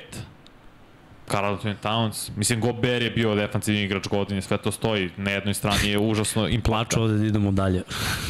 Zavodala nas je priča. Najmo dalje, piči dalje na poziciji broj 4, jedan jedini Jerry West. Mislim da je svima jasno dalje kako će da se razvija ova priča, jer prosto mislim da ovo četiri igrača, Jerry uključujući naravno trojica njih, niko neće moći da prevaziđe. Ne znam kako Jerry West koji je inače i on, nadimak mu je The Logo s razlogom. Da. Šampion. Ko ne zna, Da, red. njegova silueta je logo NBA. Tako je, devet puta igrao NBA finale, uvek su naletali na te Celtics se nisu mogli dobiti, naletili su par puta i na Knicks-e, jednom ih dobili, jednom izgubili. On je bio jedini igrač u istoriji NBA koji je bio fin, uh, o, MVP finalne serije da je njegov tim izgubio, jer je toliko dobro igrao da nisu mogli da daju nikom iz protivničkog tima. 14 puta All-Star All igrač, znači svake godine od kad je u ligi je bio All-Star, 12 puta All-NBA igrač, čak je bio u defensivnoj petorci 5 puta. Ovo su brojke koje mi pričamo, koje god da je era u pitanju, ako želiš da budeš ono, planina Rushmore ili kako, je, kako je adekvatan prevod, No. ti moraš da imaš ove brojke minimalno. I od svega ovoga što je on uradio, pazi komentar, uspeo je, brate, izgubi 8 NBA finala. Ne možeš, Brate, Celtics su tad je- toliko, došao je toliko do dobar devet. tim bili, da je to ne možeš da ih nisi mogao. Oni su imali trojicu, četvoricu All-Star igrača, All-NBA igrača, ti nis, njih nisi mogao da pobediš. To je dinastija je prosto bila takva i MVP-eve su imali u svojim redovima kao što je Bob Cousy, kao, pošto, kao što je posle bio John Havlicek i tako dalje, naravno Bill Russell, da ne spominjamo, Sam Jones, ali ovo su parametri ako misliš da budeš top 25 igrač u NBA. Ikada. Ili u ovom slučaju top 4 back shooter ikada. Znači minimalno da budeš 10 puta i All-Star igrač i All-NBA igrač i da nakupiš makar jednu titulu, da igraš konstantno NBA finale u ovoj eri malo teže, naravno da igraš ok NBA finale 2-3 puta, da budeš faktor na, u svojoj konferenciji godinama. To je to. Ovo su minimalni parametri jer svi ovi igrači pre Jerrya Vesta su ostvarili po nešto. Imali su i ozbiljne uspehe, pričali smo o Clyde Drexleru, Iversonu, o Hardenu, Rayu Allenu, uh, Halu Greeru i tako dalje i tako bliže. Imali su oni svoje, sve svoje uspehe i neki su bili šampioni, sve to stoji. A kad por, pogledaš njihov rezime i rezime jednog Jerrya Vesta, to ne može se porediti. Slažem se, brate, ovo je impresivno sve što je uradio. Tako da ono, mora da, mora da bude stavljen u top 5. Mnogi bi možda stavili i više, ali Vanja je odmah napomenuo još prošle nedelje da on ima svoju trojku Da. i dosta je bilo ovde komentara, Favela se ispisao čovek, Za koga? tako da zna, pa on najviše voli Vejda, mnogo Evo. puta nam je pisao Daj Vejda. još dok smo radili NFL, 99 yardi, da li poštujemo Vejda, da li gotivimo Vejda, ja Vejda toliko Obožavam gotivim da, da Vejda je jedna radilica. Ja kad se setim ovaj, olimpijskih igara i ono baš to što, što se priča Redeem Team, Dwayne Wade je, brate, njegovo backdoor utrčavanje i to što je uvek bio On prvi ili drugi u kontri. Brate, to je neverovatno. Kad je ušao u ligu nije bio u žiži, jer je bilo Lebron, čudo od deteta, ajde tako da kažemo, jer je još uvijek bio mlad, Yes. nije išao na koleđ, Carmelo, koji je odradio posao na koleđu Brutalan, i bio šampion NCAA. Odličan, ja sam mislio da treba Carmelo ta bude ruki godine. Odveo Denver u play-off, 21 poen po meču, stvarno je bio brutalan. Ali Dwayne Ali Wade, malo, manje se pričalo o Vejdu, koji je ono, ušao u ligu, sačekao malo, znači ono, brzo sazrevanje, Šek došao u Miami, pap, titula. to nije no, o, Wade, Shaq nosio Wade. Te poslednje četiri utakmice, nakon što su gubili 2-0, Wade je beležio skoro 40 poena u tim utakmicama. ti četiri što su pobedili uh, Miami Heat. Wade je tako, tako dobar igrač, evo i piše tri puta NBA šampion. Napisao i knjigu, vidio sam da je Kerr Cousins kupio. Jel da? Da. Sam isto vidio. Pet puta NBA šampion, ne, M, ovaj MVP NBA final, 13 puta All-Star igrač, 8 puta All NBA igrač, 3 puta defensivni igrač. Kompletan, kompletan Znači, neverovatno. Jedino što mu je falilo jeste taj šut s polja, nikad nije imao razvijen dobar, konstantno šut. Mhm. On je imao solidan šut polu distance, distance, na, Ra- ima svoje pozicije na terenu koji, do kojih dođe, tu je automa, Radio druge automatski stvari, pogađa. znaš. Ekipe Tako su bile skockane tako da i ne mora. Mm, U tom njegovom usavršavanju, opet kažem, kad je neko dobar igrač u odbrani i dobar igrač u tranziciji, on nužno ne mora da bude dobar šuter za 3 poena. Opet, era danas je takva da iziskuje i to, da moraš da Mora. budeš i dobar šut, ali on je igrao početkom, ja moram to da smatram u stvari početkom 2000-ih, iako je to jeste, da kažemo, 2003, dvih, pa da.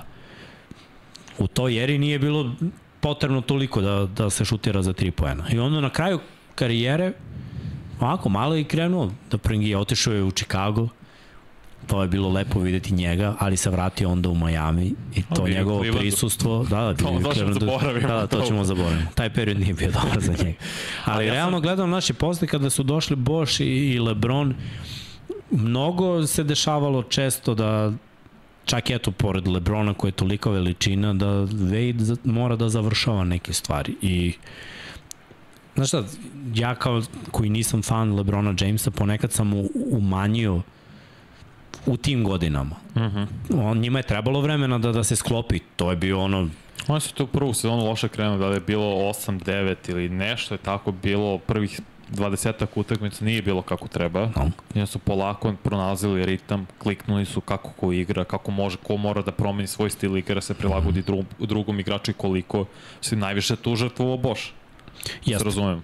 jeste. Ali, ali svesno, kažu Srki da prekida stream, imamo neke izgubljene frame-ove. Ne? Ne, možda do... Onda ljudi vratite 5 sekundi, pa... Samo refreshujte, ako To, ili refresh. izgubljene frame, onda možda i do YouTube-a, samo refresh i to je to. Ali ne mogu stvarno mi Wade, ja sam, mojem, Wade je moj mami je omiljen igrač. Ono, obožava Wade, obožava Miami. Znate kako to. da ne, ne obožavaš Wade? Ja sam čak i u Rimi imao Dwayne Wade. Da, eto. Moramo naći Mislim, tu pesmu. kad je dobio na onom skill challenge-u. 2008. čini mi se to bilo. Ili š- ne, ili šesta, sedma. On je dve godine za redom No. osvajtač. Sedme su bili on, Lebron, Kobe, Chris No. Paul, nešto ludilo je bilo. Brate, lik je leteo, stvarno je bio mnogo brz na terenu. To nikad ne... I sećam se baš ovaj drugi Relemer kao nešto ajde da uradimo, ajde da uradimo, ajde, i sad počinjemo. Ja rekao, moram, brate. Ja Kao što baš- sam imao dres, Imao sam ja kao mali, da. Ali I to je ima- ono, to ima u tom spotu. Fazon, znaš da sam uzeo ovde na terazijama, onim prolazima. Mm, Zato, Dalje ima liko i prodaje. Da, da, to sam, to sam Top. dres. Ali njega su uhvatile godine brzo zbog ko, problema s kolenima. Jer t- si toliko eksplozivan atleta, letiš po terenu, Brate, stalno leteo. trčavaš, ideš na Mogu- druge, kucaš sa silom. Ja Mogu nikad te neću... pitam nešto? Aha. njegov osjećaj za lob, naročito no look, dizanje lobova. Da, dobro, on za Lebrona. Ne samo za Lebrona, brate. Znači, gledao sam pre neki dan je izleteo klip njegovih 10 najboljih ali u po koje je podigao sa igračima. Brate, kakav osjećaj. Znaš kako je Majstor. prebacio iza leđa Pavloviću, ostao u terenu nekako, sa pola terena bacio ali za šek. Te sam kao više onih zakucavanja preko Perkinsa, Da, da, to je. iz rollinga, ja ovo u životu nisam vidio. Tako kontrola tela. Koliko ga iznervirao Perkins, kako mu je sasuo. Ne, Mislim, najbolje mu je zakucavanje pro- preko variža, iz cik-cak koraka, To. telo mu je na drugu stranu, on sam se rotirao u vazduhu, ukucao i njega i loptu. Pre toga je Lebron omašio za kucavanje koje bi isto bilo bruka, sreće pod, ne znam da li je preko Jamesa Jonesa trebao zakusiti, ne mogu se protiv koga je bilo, Wade hvata skok celom dužinom terena, nekako po, u polu brzini, uopšte nije dalo da ide mnogo brzo, samo kad je krenuo ta cik-cak, bam, eksplozija s levog koraka, ukucao Varižaje, loptu, mislim, to je bilo... Brate, gledati tu njihovu reprezentaciju, sećam se baš 2008. Da, da, To si- to je bio toliko tranzicije, toliko Wade je prednjačio, Wade i LeBron su prednjačili u toj tranziciji. Trebao je, trebao njima Kobe za te neke velike tekme, ali što se tranzicije tiče, ja ne pamtim da sam gledao košarku sa više savršeno realizovanih kontri. Znači da je to zoom, ba, pa, pa. Tri poteza, znači sve im je bilo u tri poteza, znači u Da, tri da. koraka da pretrčiš teren. Tad sam rekao ova dvojica zajedno kada bi igrali, kad gle čuda. Kad on među Tumbe, tri godine kasnije.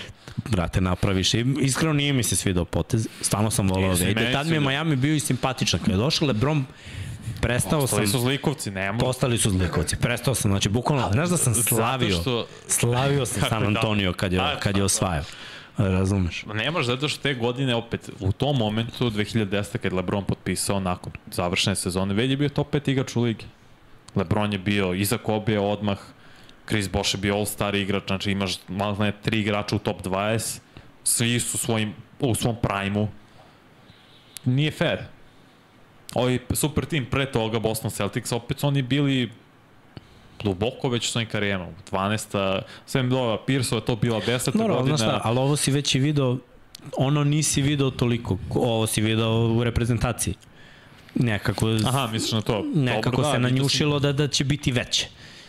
Pritom opet moramo da gledamo uticaj Lebrona Jamesa, jer kogo god da je KG ubica i ono, Pierce, oni su i Ray Allen članovi kuće slavne, ih vrhunski igrači, ali pompa oko njih, pa čak i oko KG-a koji je bio predvodnik od generacije, nikad nije bila kao oko Lebrona. Ma, Naročito zbog celog skandala uh, naravno. odlaska iz, iz Clevelanda. Mogu da kažem, kad pogledamo te velike trojke, Talent u Miami.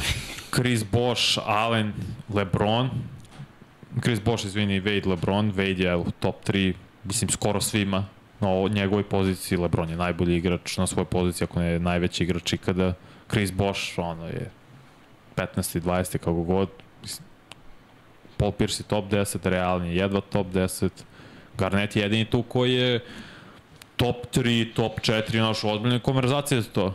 No. Imaš Duncan i posle toga, e, možda jeste Garnett 2. Samo, znaš, pompa, medijska pažnja koja je usmerena ka Lebronu je najveća od Jordana. Ne, nevezano za to ko je kakav igrač, premca, kako razumeš, sad samo govorimo o činjenici. On Znači, koliko je Lebron i uh, sam sebi pritiska stvorio od ulaska u NBA i nekim rezultatima koje je osvojio kao mladi igrač do tog reprezentacije, do dolaska u Majami, do titule u Majamiju i, i naš, sve nekako je išlo na tu vodenicu do danas, ti kad pogledaš no, mislim, najviše poena ima u istoriji Da, da. NBA košarke, tako da ne, ne, neosporno je a i kroz čitavu karijeru i uvek bilo ono Lebron, Lebron, Lebron, Lebron. Šta bi bilo da nisu napravili tim?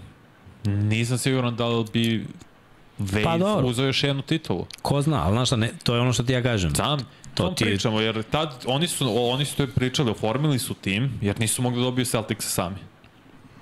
Tu veliku trojku je bilo je blizu 2012. da ih ponovo izbaci ta velika trojka, LeBron im trebao da odigra onaj meč, da je imao 45 poena, da je upropastio Boston i malte im srca izvadio u sred ovog TD Gardena. Nisu mogli prosto njih da prevaziđu odvojeno, zajedno su otišli četiri finala za redom, dva su izgubili, dva dobili, opet to je, mislim, sve pohvale stvarno za Vejde, ja ga izuzetno cenim gotim kao Ma, igrača. koga ne cenim. Lik je Zato doktor. kažem, mislim da, to sam rekao i prošli put, ova trojka, mislim, jasno je koji ljudima koji su 1-2, Michael i Kobe, ja mislim da to nikad neće prevaziti za ovu poziciju. Da, dajde Srki. Idemo dalje. Idemo dalje. Idemo na poziciju broj 2, tu je Kobi i može da daš Vanju u solo kadru. U stvari, prvo pre nego što daš Vanju u solo kadru, Vanja mrdni malo sliku ka kameri. Da se bolje vidi. Ne. Ne, ne tamo, na drugu stranu. Ne, Ne, ne, pa ovo, viš. Ali kad budeš seo, Pa dobro, ne veze. Možda podigneš? Pa sad ti... Malo pa samo je stavio onako u, u levo da si je pomerio i da si seo, videlo bi se. Malo, e, to, to, to. to. Vidi se. Evo ga, Vanjin poklon, Da, da. Kobara. Brate. I to isti dres, ista, ista garnitura. Da, sve, sve Daj. tu. Mali dres, veliki dres. Da. Osmica i šta 24, znaš šta, ovaj... Sećam se, brate, to, to pričao sam jednom kad, kad je Toni, naš najbolji import koji, koji je bio ovde, on i ja smo gledali zajedno no, oproštaj, Kobe Bryant, utakmicu protiv Jute A, 60. i sad, znaš šta, koliko god bili Znači, on je Amerikanac, druga kultura, sve drugo, ja odavde, mi se našli, igramo zajedno kao i gledamo tu tekmu i pričamo, brate, priče su iste o svim klincima iz generacije koji su se ložili, ono, Kobe je baš institucija. Uh, znaš, ono, čak i kad Jordan kaže da bi možda jedino Kobe mogao da ga dobije jer mu je ukrao sve poteze i to govori samo sebi, ali uh, hiljadu je priča i da dajde da, da mi ovde ono, i ne moramo da trošimo reči toliko stvarno pogledajte, tražite, istražujte, gledajte koliko je priča samo da, da pričaju veliki igrači. Kad god su imali prilike, znaš, da je on prvi u zgradi, na treningu, prvi dođe, poslednji izađe. Da je žrtvovo bukvalno lik sve da bi došao do ovog nivoa. Od momenta kad je draftovan, pa tradovan, taj neki njegov bunt, to, to nešto što ga je nateralo da, da ide protiv sistema i svega, da se dokaže da, da je on igrač do prvog odabira za All Star, e, imam tu kasetu Znači, kada vidiš da ove starije zvezde iz lige su u fazonu kao ovaj mali bi mogao da bude nešto. Do momenta kada se oformila ta prva dinastija i kada su Lakersi osvojili tri za redom, a možda su mogli i četiri da se nije desilo to da je Kobe želeo od Šeka da radi više, da bude ozbiljniji, što Šek često napominje i priča o tome da, da nije bio toliko opsenut kao što je bio Kobe. Uh, ima, imali ste ovde raspravu o tome, ono, Šek ili Kobe, ja ne, ne bi to ili. Njih dvojica, ko je bio važniji, njih dvojica su bili jedan od najozbiljnijih tandema koji sam gledao. Ono je bilo, brate, neverovatno. Gotovo, njih je možda jedino Sacramento mogu da izbaci one godine i to je bilo to. Druge ekipe nisu imale nikakve šanse. Jedan San Antonio nije imao šanse sa Duncanom i Robinson. Da. Tačno se sećam te, mislim, sećam se posle sam gledao ponovno, gledao sam kao mali, a posle kada sam stari gleda što i mnogo ti jasnije budu neke stvari, jer ljudi uvek porede kad kažu Šek je nosio Kobija, jer je bio MVP tih finalnih serija. Gledajte čitav playoff tada, kroz zapad, ko je bio bolji igrač, koji ima bolju statistiku.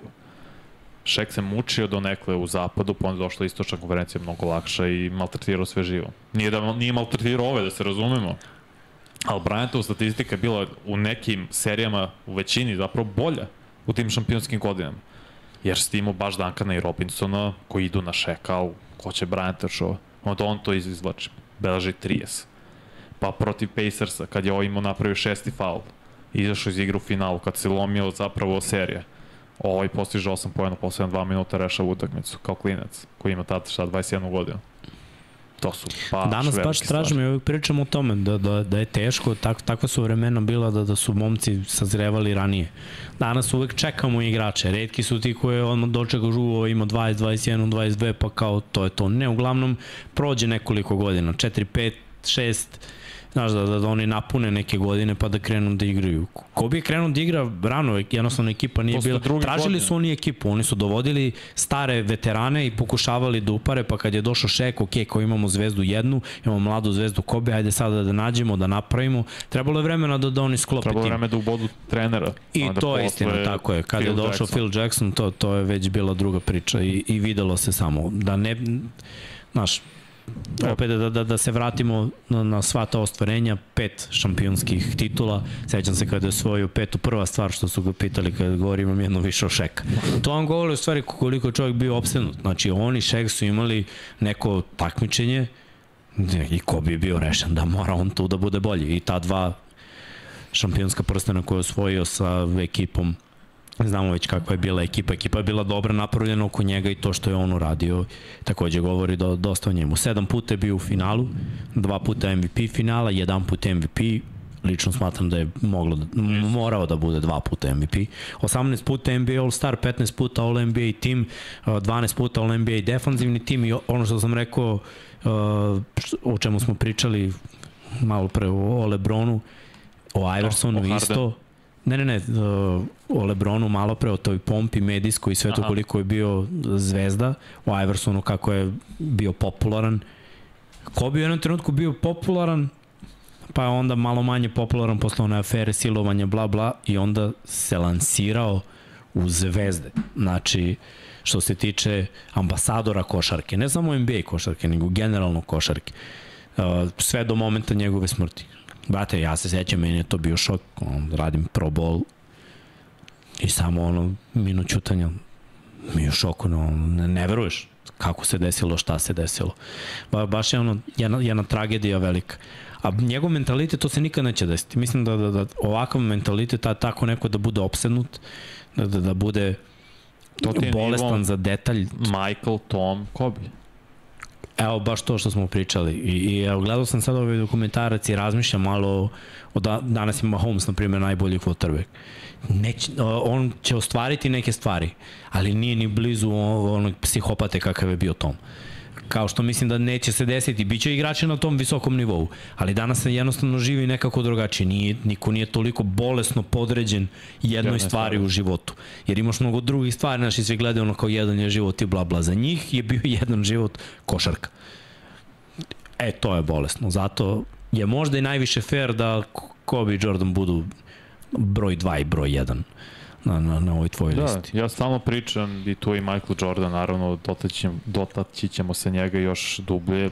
Za mene, ma da, lagam, lagam, za mene je od uvek Kobe Bryant, to jest od, ono, od poslednjih 5-6 godina do ja budem bio živ, će biti najbolji košarkaš ikada, najveštiji, jer to nisam stvarno video da neko u toj eri koji on igrao toliko poena postiže kada imaš i gde ga udvajaju, utrajaju, u, znači star, nema šta ne, svaku vrstu odbrane su ubacili na njega, pun reket je uvek bio, nisi mogu da nađeš rešenje.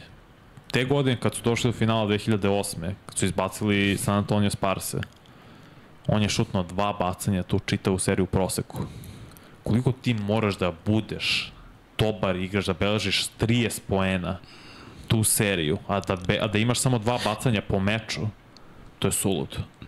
I to su inače bili Sparsi koji su pre godinu dana pre toga osvojili titul. Dobiš i Cleveland i Lebrona, mladog Lebrona. To je meni ludo da u pet titula, znači 20 ukupno playoff serije u tim šampionskim godinama, 17 timova od mogućih 20 protivnika imalo 50 ili više pobjeda. To je nevero, to je nerealno.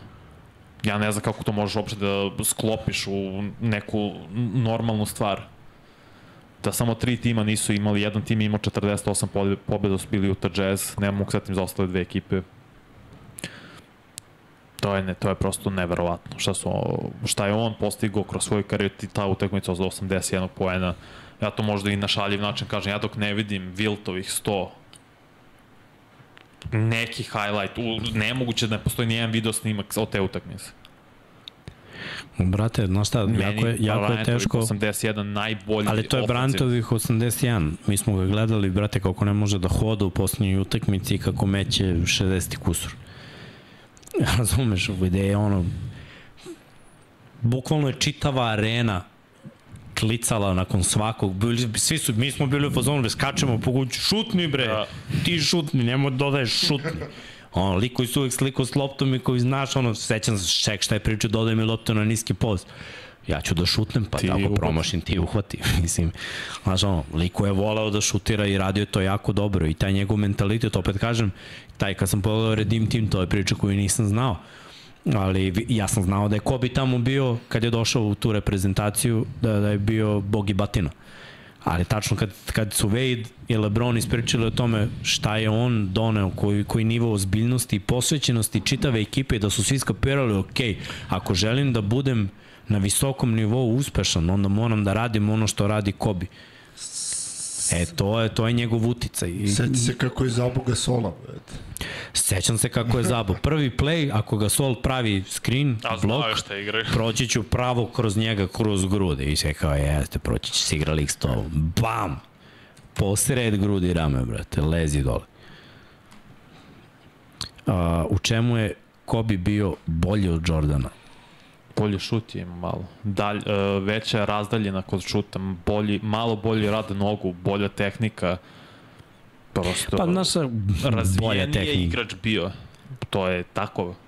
Zato kažem najveštiji. Pošto je bio, znaš, bolesno ustresređen na I treningu, verovatno je je malo igrao- više, malo više radio Jeste. da usavrši tehniku koju je prekopirao. Uh, znaš šta, Ne kažem da nije prekopirao. ne kaže ni on.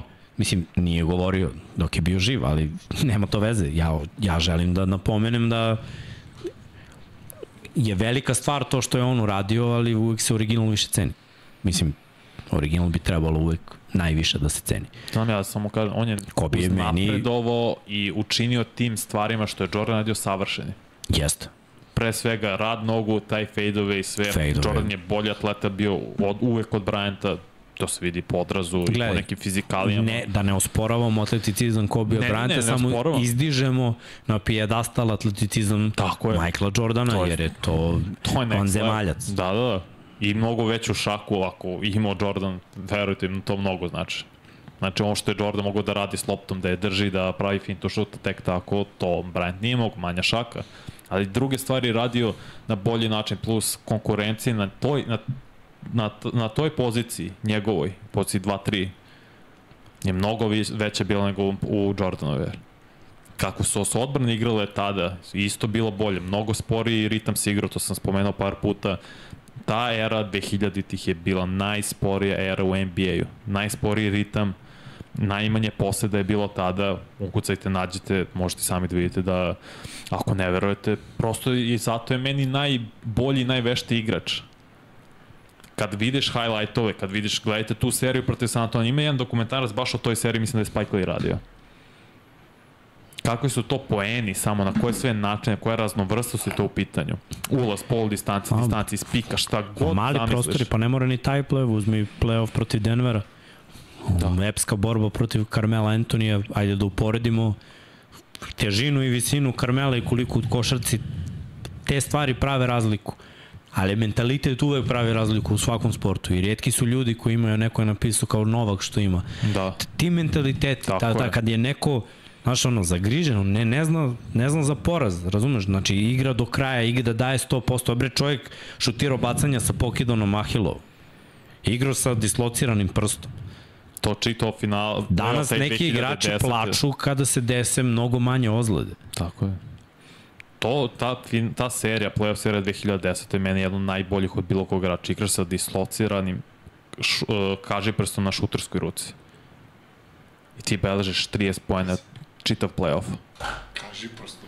kaži prstom, znači najbitnijim prstom za šutiranje, malte ne, ova tri prsta su glavna. Ako ti prelazi na ova dva, gubi rotaciju i ide ti uglavnom u tu stranu. Čitav playoff beležiš, zapravo je beležiš taj playoff 29,2 poena, skoro 30 je beležio, mislim, to je sulud. Najmanje im be- beleži u prvoj rundi protiv Oklahoma i posle podigo nivo igre jer se prilagodio toj povredi. I opet timovi, da ja kažem, ja, bi, ja verujem da bi on uzeo još jedan prsten, da je tim 2008. sklopljen ranije prosto. Nije bio, kao se došao na pred kraj sezone, to jest u februaru. Nije se desilo. Ti timove koje on vodio godinama unazad, u smislu peta, šesta, sedma, su najgori timovi u NBA istoriji. I on je uspio da dovede njih do play-offa sa Chris Mimom, K- Kwame Brownom, Smushom Parkerom i tako dalje, Lukom Waltonom. Na zapadu. Koja je ono bila najbolja konferencija od tada. Mislim, jedna od najboljih ikada kad poredeš po godinama. Dobro, ekipe sa kojim je osvojio. To mi je jedin šat, taj prime, prime njegov, baš najbolje godine nisu ispraćene od strane Lakersa da imaju adekvatan tim.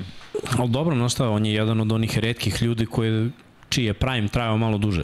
Zbog Da. njegove rešenosti, posvećenosti, znaš, on je stvarno vodio računa. Na kraju povrede su ga stigle, Yes. jer koliko je lud da nizak je, znaš, da, da je tipa imao visinu Dirka Novickog, verovatno bi sa manje eforta igrao, ali on je znao samo za jednu brzinu.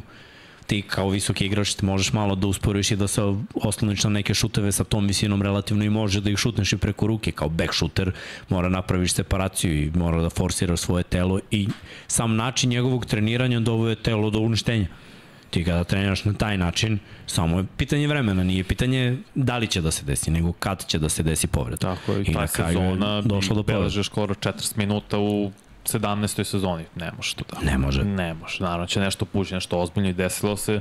Kad pričam najvešti po čemu, gledajte highlightove, ali ne uporedno. Gledajte highlightove Jordanovih tih potez, možda ukucate pol distance, distance kako god, i Bryantovih. I vidite rad nogu, gledajte tehniku izbačaja, sve gledajte, gledajte i ko- koga čuva i kakva je odbrana. I vidjet ćete pogotovo u, to se vidi u play-offu protiv Utah i Celticsa, kako se ceo tim o, rotira ka Bryantu protivnički. Da svi idu, da njega udvajaju, svi gledaju njega. Imamo, imamo komentar Nel Sabl, brate, niko nije rekao da je bolji jer mislim, brojan je Jordan, ne znam, gde si Ne, ja sam da rekao da je, da je bolji. bolji, da je veštiji, ali nije veći. Ako je čovjek nov ka našem kanalu, postoji meni makar velika razlika između najveći igrači i najbolji. Najbolji Ti igrač... si rekao da je usavršio tehniku, da mu je tehnika bila bolja. Ja sam rekao da je Bryant I da ima najveštiji, najrazvijeniji. Hm? I da ima bolji Da. range. To si Tako je. rekao da ima bolje. Meni opet ponavljam, najveštiji, najrazvijeniji, najbolji košarkaš je Bryant. A nije najveći košarkaš. Velika razlika između toga. Pa, znaš šta, Ako govorimo o skillu, ono, skillu, ne, ne, ne bih rekao, tu, tu imamo debatu. Jer ovaj, Jordan ima bolji skill, Meni nema. jer je atleticizam skill. Dat od Boga, ali i to je skill. Košarkaški skill Bryant je bolji. Razvijeniji i to sve dovede do savršenstva. Govoriš o tehnici. Ali Govorimo u skill spada i ono, atleticizam. Mislim, Okej. to, to ti je sve skill. svemu Kada ti, na primjer, evo dajem ti prili igrica. Dobro, Sve što imaš u opisu, znači opis tvoj, tvoj, tebe kao igrača, dobro. razumeš? Sve je to skill. Znači ako imaš vertical 48 inča i to ulazi u tvoj skill, jer mislim ti ga imaš. Da li je bogom dan, da li si ga na vežbu u teretani, šta god da si uradio, to ulazi u tvoj skill.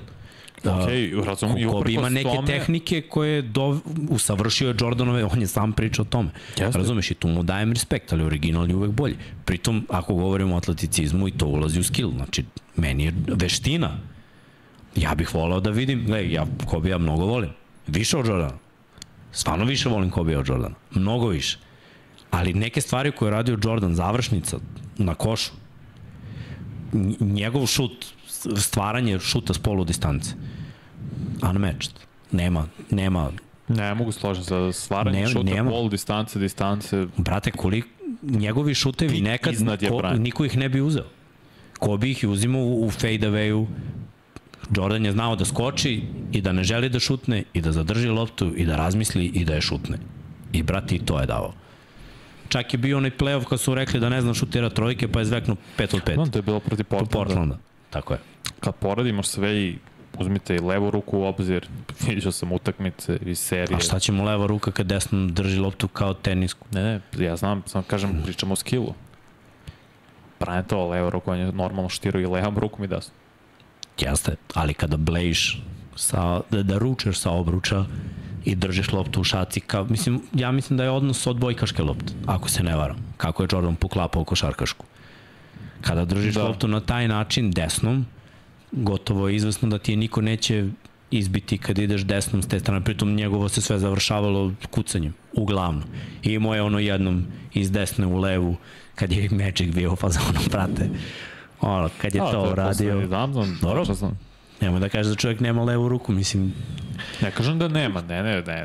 Jordan rekao imao da sve, brate. Te, bra, Imao je Lik sve. je žmurio na liniji slobodnih bacanja, Znam, žmurio. Znam. Ja opet ga, za, zašto meni da Lebron Tikende nikad neće moći da bude GOAT, zašto ima 60, 70% s linije slobodnih bacanja u naj, ono, to je njegov prosek kad se trudi da da bacanje. A Jordan kaže mu tomu, tebra, Baby i zažmuri. I bućne ga bez koske. Kraj priče. Čekaj, imam Znam. pitanje za vas dvojicu. Ko je uh, više radio na sebi, Jordan ili Bryant? Ko je više imao ono, što ti kažeš, od Boga? I drugo pitanje je da li vam se više sviđa broj 8 ili 24? Pazi, Od imao Jordan je imao više od, od Boga. Mu je Bog, Uh, to prirodno. Atleticizam, pa Da. da. mislim, mo, gledaj, da li mu je Bog dao ili je Bog dao nešto pa je on nadogradio, ali paket koji on imao na kraju je superiorniji u odnosu na Kobija. Atletski ko- paket, da. Tako je. Ko je više radio, radili su obojci jer su bolesnici. Mislim da je Kobi imao kompleks od Jordana da mora da ga dostigne jer Jordan je po- podigao lestvicu. To je na primjer kao sada to je kao sada što imaš da. uh, Mahomes, znaš kog juri sad? Brady-a. Razumeš? Zato Zato što je Brady to sam čekao da podigao lestvicu. Jordan je, brate, odradio sve što je imao. Njegova lista je brutalna, osvojio šta je osvojio i kad je mladi Kobe ušao u ligu i kad je prvi put na terenu pričao sa Jordanom dok su se međusobno čuvali i sve to, dok je kupio savete i radio na tome, ja verujem da je ono negde u njegovoj gajbi, u teretani, gde god bio negde poster Michael Jordana i da je Kobe bio u fazonu, stići ću te. Biću bolji od tebe, jer takav je njegov mentalitet. I to je ono što sam ja obožavao kod Kobe. To je ono što sad gotivimo verovatno kod Mahomesa jer je on u fazonu ono, Brady imamo sedam. Mnogima je nemoguće. Većina bi rekla ono, kao dobro, ne jurim to, nego ajde gledam sebe. Brate, on je najbolji. Onaj koji će biti upančen u istoriji. On gleda to i kaže, oborit ću taj rekord. Uh, za, zato je možda ko bi radio malo više jer je imao taj motiv. Jordan je u jednom trenutku se toliko izdigao da je Magic sam priznao ono, bio sam šerif u gradu do Dream Više Teama nisam, da. i onda sam skapirao, došao je novi šerif i ovaj lik je sada lice NBA i bo, mislim čovek koji bez društvenih mreža u onoj eri ceo svet ga je znao. Zato ja kažem, ta, mislim, možeš da pustiš neke i dostignuće Jordanovo, to svi znaju na pamet skoro sad, šest puta šampion, MVP finala šest puta, šest puta je bio i E, to je pet puta bio i MVP regularnog dela sezone, 14 puta All-Star igrač, 11 puta All-NBA igrač, 9 puta u defanzivnoj petorci je bio taj efekat, kad pričamo o najvećim igračima, ta visina koju je Jordan dostigao, mislim da niko nikad neće dostići. Prosto je promenio košarku na bolje, jedan od glavnih faktora kad, kad, je, kad se desila ta globalizacija košarke bio Michael Jordan. Ne bilo ko, ne Magic, ne Larry, ne znam ko Hakim i tako dalje. Michael Jordan. I on je razlog zašto je nastala nakon njega era predominantnih bekova i krila. Su gledali na njega. Kobe, Vince, Tracy, Ray, LeBron, Wade, ne znam, Carmelo, koga god hoćeš da staviš, koji su draftovani od 96. pa nadalje. To je sve uticaj Michael Jordan, zato ja kažem... svima je lik bio idol, brate, lik Svima. je, lik je nerealan. Za stvari koje on ostvario, ja uvek pričam, baš, baš o tome, zato što se dosta pokreće u poslednje vreme šta Lebron treba da uradi da bi bio, može uradi šta ovaj možda ode na mesec, brate. Neće biti najbolji u ovom sportu nikad dok i, znaš, ono, postoji Neće biti ime Michael najveći, Jordan. to je Jordan, Mislim- posle toga, posle koje pozicije dva možemo da debatujemo, opet da kažem, mojim očima najbolji najveštiji je Bryant. Nikad No, imaš nisam pravo na svoje to, mišljenje. tu vrstu, toliko visoku košar, e, visinu, nivo košarke Bryantov, uz konkurenciju protiv koje igra i odbrane i Kap- ere i sve. Gledaj, ja te totalno kapiram. meni vrh. Ja razumijem da imaš svoje mišljenje. I totalno je normalno da nam se mišljenja ne slažu. Uvek, ne usa, znaš, da nismo usaglašeni. Ali Jordan je, brate, s tolikom lakoćom igrao. Znači, njegovi problemi su bili, moje mišljenje lično, dok malo nije nabacio mase. Jer se tačno vidi promena njegove... Znam, eh, kad je ušao u teretanu. kada je ušao u teretanu. Jer dok nije ušao u teretanu, on je isto bio ubica, mogao da postiže poene, zamisao taktička ekipe je bila takva da previše igra on, malo su mu se otvorile neke karte posle, po- postao je više timski igrač, naravno stigla je, stigao je napad iz trougla, ali da on nije ušao u teretanu i da nije nabacio, ovo građa Michael Jordan, Michaela Jordana je meni najbolja i da ja mogu da biram kako ću da izgledam, izgledao bi kao, kao Michael i stigo je, no, on je savršeno.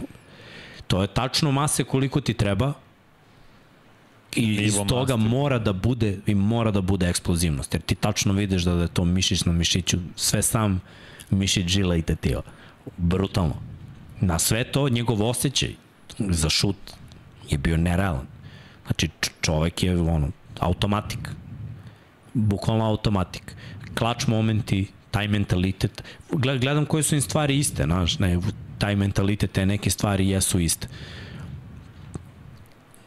Ali uticaj uticaj na, na ceo svet košarkaški i sve što, što je Jordan napravio, nevezano za košarku dok je igrao, nego i posle. I to mora da, da se računa ka- kada ga gledamo. Ono, patika, promenio, promenio istoriju čovjek, stvorio Nike. Mislim, nije ga stvorio, ali ga je afirmisao i učinio ga dobrom firmom. Učinio ga sto Pritom, puta već. pritom, ma kojih sto, ne, nerealno šta je čovjek uradio. Da. On je učinio da to bude popularno u čitavom svetu do dan danas. A lik ne igra 20 godina i više. 20 tačno. 2002. Treće je bilo poslednje. Eto, 20 godina, brate. I, da, I dalje je ludilo. Još sad će to da ode u, u nebo. To, to su stvari ko, ko, koje on, sva, svako na ovom svetu u jednom trenutku, To oni kažu. šta? Što oni kažu? Na ovom svetu. Da, na ovom svetu. Ludilo, ludilo, brat. Ne, Sva, to- svako bi teo, svako bi To teo da... spada u najveće. To on Spada. nešto Mislim, gledaj, on je- jeste ovde na broju 1 i tebi, čak. Ali e, ja- ima jednu stvar koju Jordan nije radio dobro. A to je da, Management u timu. management u ekipi. Ne, ono, jako je loš GM. No, dobro, to je grozan. I ono, kao vlasnik, ali dobro, to, gledaj, to je zaradio dosta. Je tako? Dobio je, Normalno, pa to dobio nije je mogo tim, da ne zaradi. zaradio je, obrnuo je, rešio je i sad je prodao većinske akcije. Nije ali to je da jedina ne stvar, ali to je uvek tako s naj, najboljim igračima, najvećim igračima. Oni nikad ne budu dobri u, nikad. Desi se anomalija, ali uglavnom ne budu dobri treneri i, i ne budu dobri GM-u. Zato ti treba ne, nešto drugo. Ne baš ono naj, naj, naj, najveći. Sećam Singletary kad je postao trener, ja sam tačno znao da je lik psihopata, da ne može da bude trener. Što je on isto Mike Singletary u linebackeru, Mike linebackeru u Chicago Bears. koliko je lik lud. On je zahtevao od igrača nešto što je on Jedini radio na terenu. A lik je možda najbolji ikada na toj pod. Znaš, ne mogu to kao bi došao Tom i traži od tebe da, da radiš što je radio on. Znaš, To je John Elway. John Elway nikad nije mogao da draftuje kotrbe. Ne može. Nije mogao. Prosto do, došao je do njega Peyton Manning, potpisao ga da draftuje quarterbacka, nije mogao da mu život zavisi od toga. Na kraj krajeva. Ali ovo, kažete, ova trojica, pogotovo Michael i Kobe, mislim, to nikad neće biti prevaziđeno. A film sa Duškom Dugovškom? Space Jam. Bolji nego nastavak. Kako sam, kako sam bio kod dete srećen kad sam kupio album sa sličicom. I onda posle kad je izašao crta. Baš je bilo cool. Jest, jest. Stvarno je mno- mnogo se, pazi, meni mama nije Brian s tom vreme bio mali što sam imao. 5-6 godina. Ne, ne, Kako? 96. Dobro, ajde, ali da. Ono, 11, početak je 10, bilo, krenuo sam u osnovnu školu. Nije mi branilo da gledam kad je bilo neka utakmica noću i to.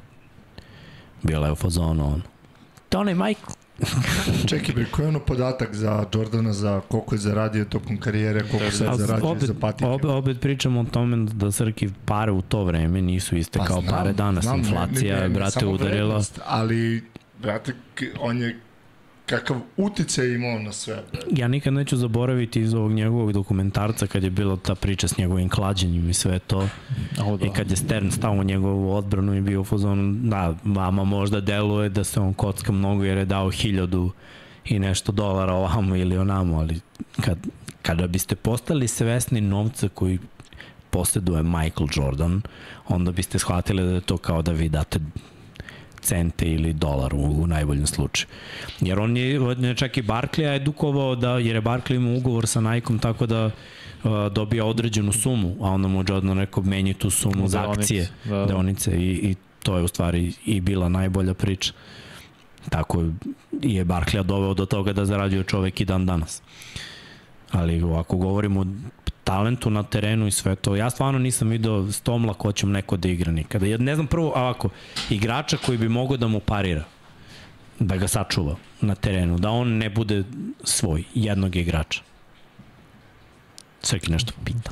Pitaj slobodno u... Pitaju mi. Spomenut ćemo i te igrače koje nismo naveli, ali pa da ja, jedini igrač koji može da mu parira je 15 Kobe. ili 11, izvini. Pa ne, vidjet ćemo, Mix će tražiti od nekog igrača odvojeno ako hoćemo ili samo jednu celu grafiku. Ma da su stavi tu celu grafiku pa ćemo da pričamo. Nećeš pojedinačno. Svakako najbolji back shooter ikada je Michael Jordan i Najveći. tu nema, tu nema dilema. Evo on sad U naslovu piše najbolji u zagradi najveći. A zato što je ovo zbog YouTube algoritma, jer pre će ljudi da kucaju i dalje najbolji igrači, pa onda će tako naš video da se pojavi. Bravo, pre. A tema jeste najveći, jeste Michael Jordan, je naj, mislim nije samo najveći back shooter, i najveći igrač u istoriji NBA, u istoriji košarke je Michael Jordan. Ali meni je najbolji, najveštiji Bryant. Ali može sad crke pustiš ovu šestorku koja je, nije u top 10, a možda je trebalo neko od njih da bude pre nekog Hoćeš drugog, celu listu? pa celu listu. Ček, Pa samo ko- da je nađem, izvini. Miksu zanima ko, zašto ovaj nije bio umesto nekoga to ima pravo da Pa izabereš pazi, bilo je dosta, bilo je dosta priča oko Regija. Tu smo pričali prošle nedelje, tako da to mogu da razumem. Mislim, mnogi bi ga stavili u top 10. Samo ono, ne znam koga bi izbacili. Joe Dumars iza njega je bio baš ovaj, bilo jako lobiranje. Da, da. Tracy McGrady, Vince, Manu, Clay, su ovi ostali. Ali opet to je... Ajde, ajde ovako da kažemo, Ovo nije inače o, 11-12 taj raspored, sve jedno je u principu ko je nakon top 10, možemo, mislim, Clay i Manu bi trebalo budu ispred Vinca, makar u mojim očima. E da, bravo Bojana, hvala da prekinemo anketu. Reggie ili Harden, 70, 200 glasova, 70% E, Reggie. Bojana treba zvati Zato ovde da uređuje. Al, ha, al Harden ima isti sindrom kao Chris Paul, ljudi ga ne vole. Ne mogu da im, neću ništa od karijere da mu odustim zato što ja ga nužno ne volim kao čoveka ili kao igrača. Ne mogu da ospane šta je on ostvario. Ostvario je više nego Reggie Miller. Reggie Miller je ostvario u play-offu, više je ostao upečatljiviji Lori zbog tih malo momenata. bolje uspeha u play-offu. Ali nije bio bolji igrač od Hardena. Nije, pa nije, šta. Ali upravo si, ne vole, ne vole ljudi Harden. Ja Ja sam teo da stavim Joe Dumarsa pre Ray Allen. Ti znaš što otpao od četvrtka. Morao sam da lobiram bar jednog da ubaciš. Ray Ray. Kaže, Harden nije ispred ovih igrača. Harden, pa nek mi neko od tih igrača bude MVP ligi. I da bude 3-4 godine smatran top 2 Malik je igrača u cheat ligi. kod bre, Vanja, nema dileme. On, neke stvari koje on radi, to je- koje je radio, to je neviđeno. Da spada u, u ulogu u tim šifraša. Pa ne, jer je moguće čuvati ga, zapravo. Nije bilo moguće, Uh, godinu je Belžao 36 pojena. Ali gledaj, nije, nije, nije naleteo, mi, opet kažem, malo je ljudi koji mogu da ga čuvaju, ali nije nemoguće ga čuvati. Uh, ne smeš da mu dozvoliš, mislim, to je sad lupam, Da, da, lako je da, reći da. šta ne smeš, ali scouting treba da bude takav da ne dozvoliš da, da se pravi blok da on ide u, svoju bolju stranu, u, le, u levu.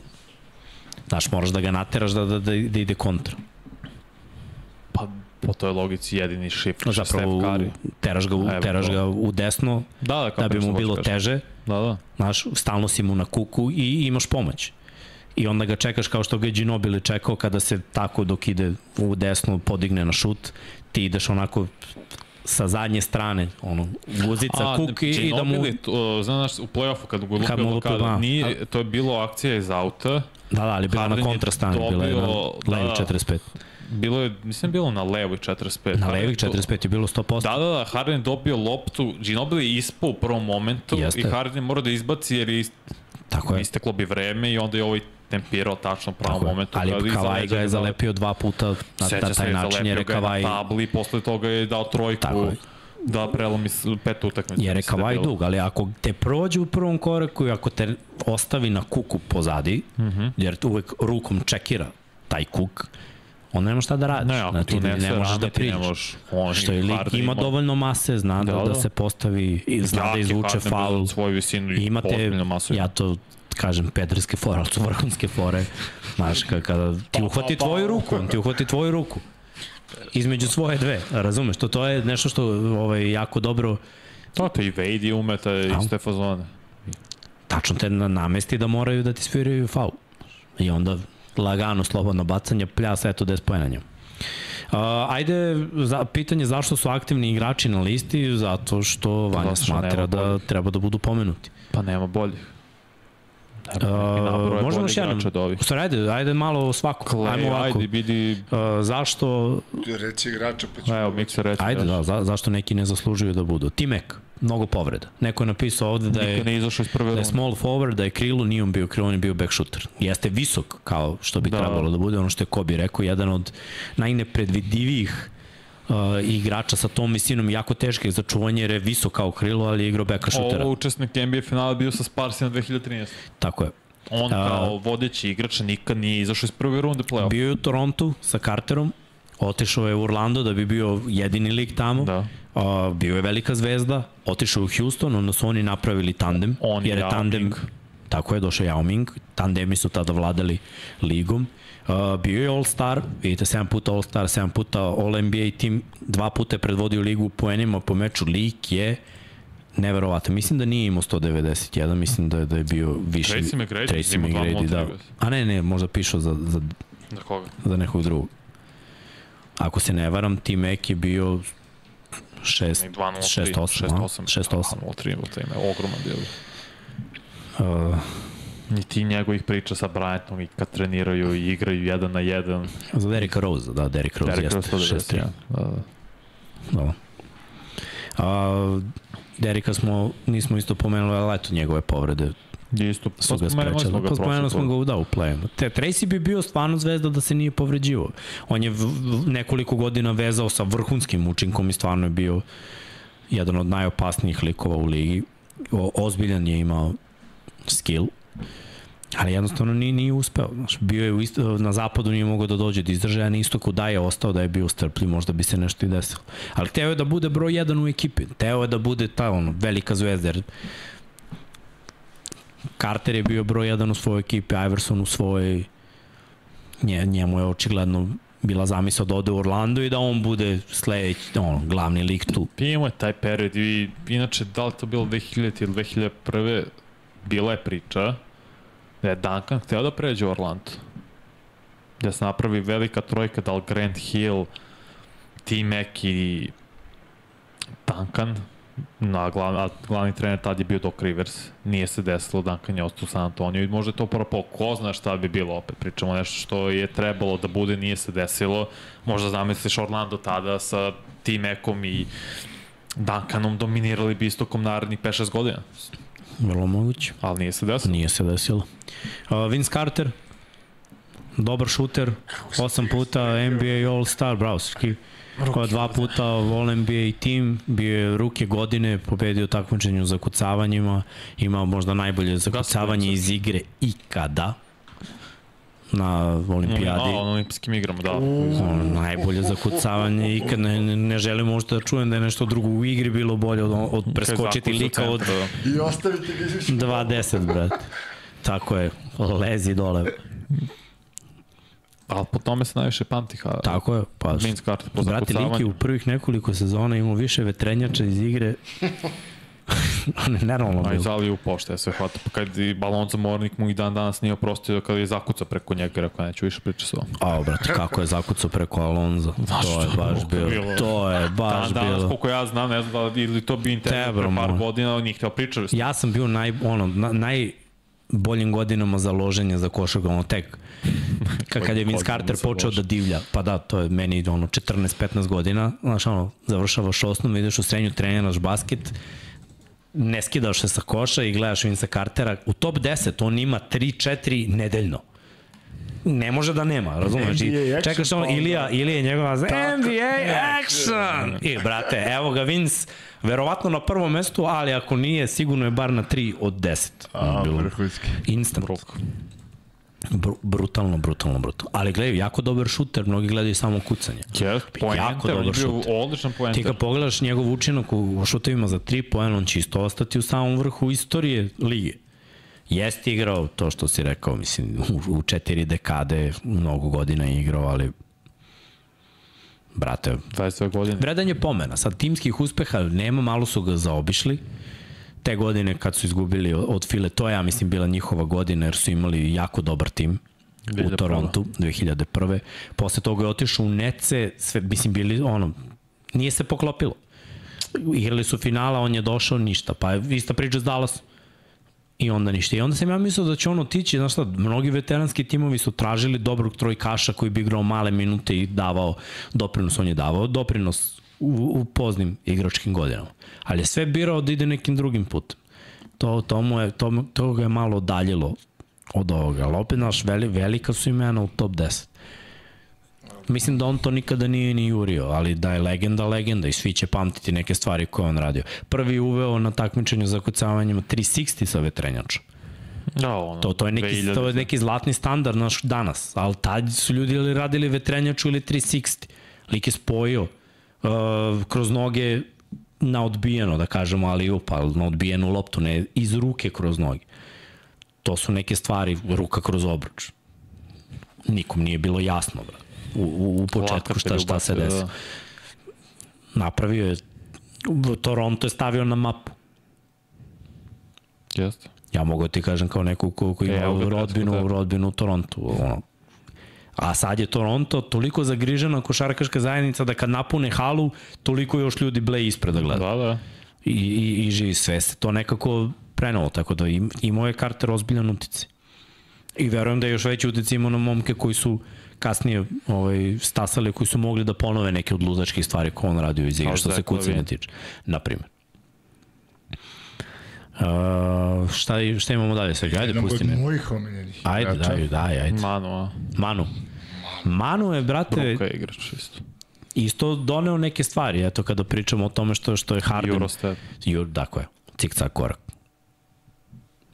To, to je nešto što nije bilo karakterizično. U prvom mahu NBA igrači nisu znali kako da odreaguju za to. Sada je to već Stan. ono, ako imaš svoj arsenal, mora da imaš Eurostep. Uh, Četiri puta NBA šampion, pet puta učesnik NBA finala, dva puta NBA All-Star, dva puta NBA All-Team.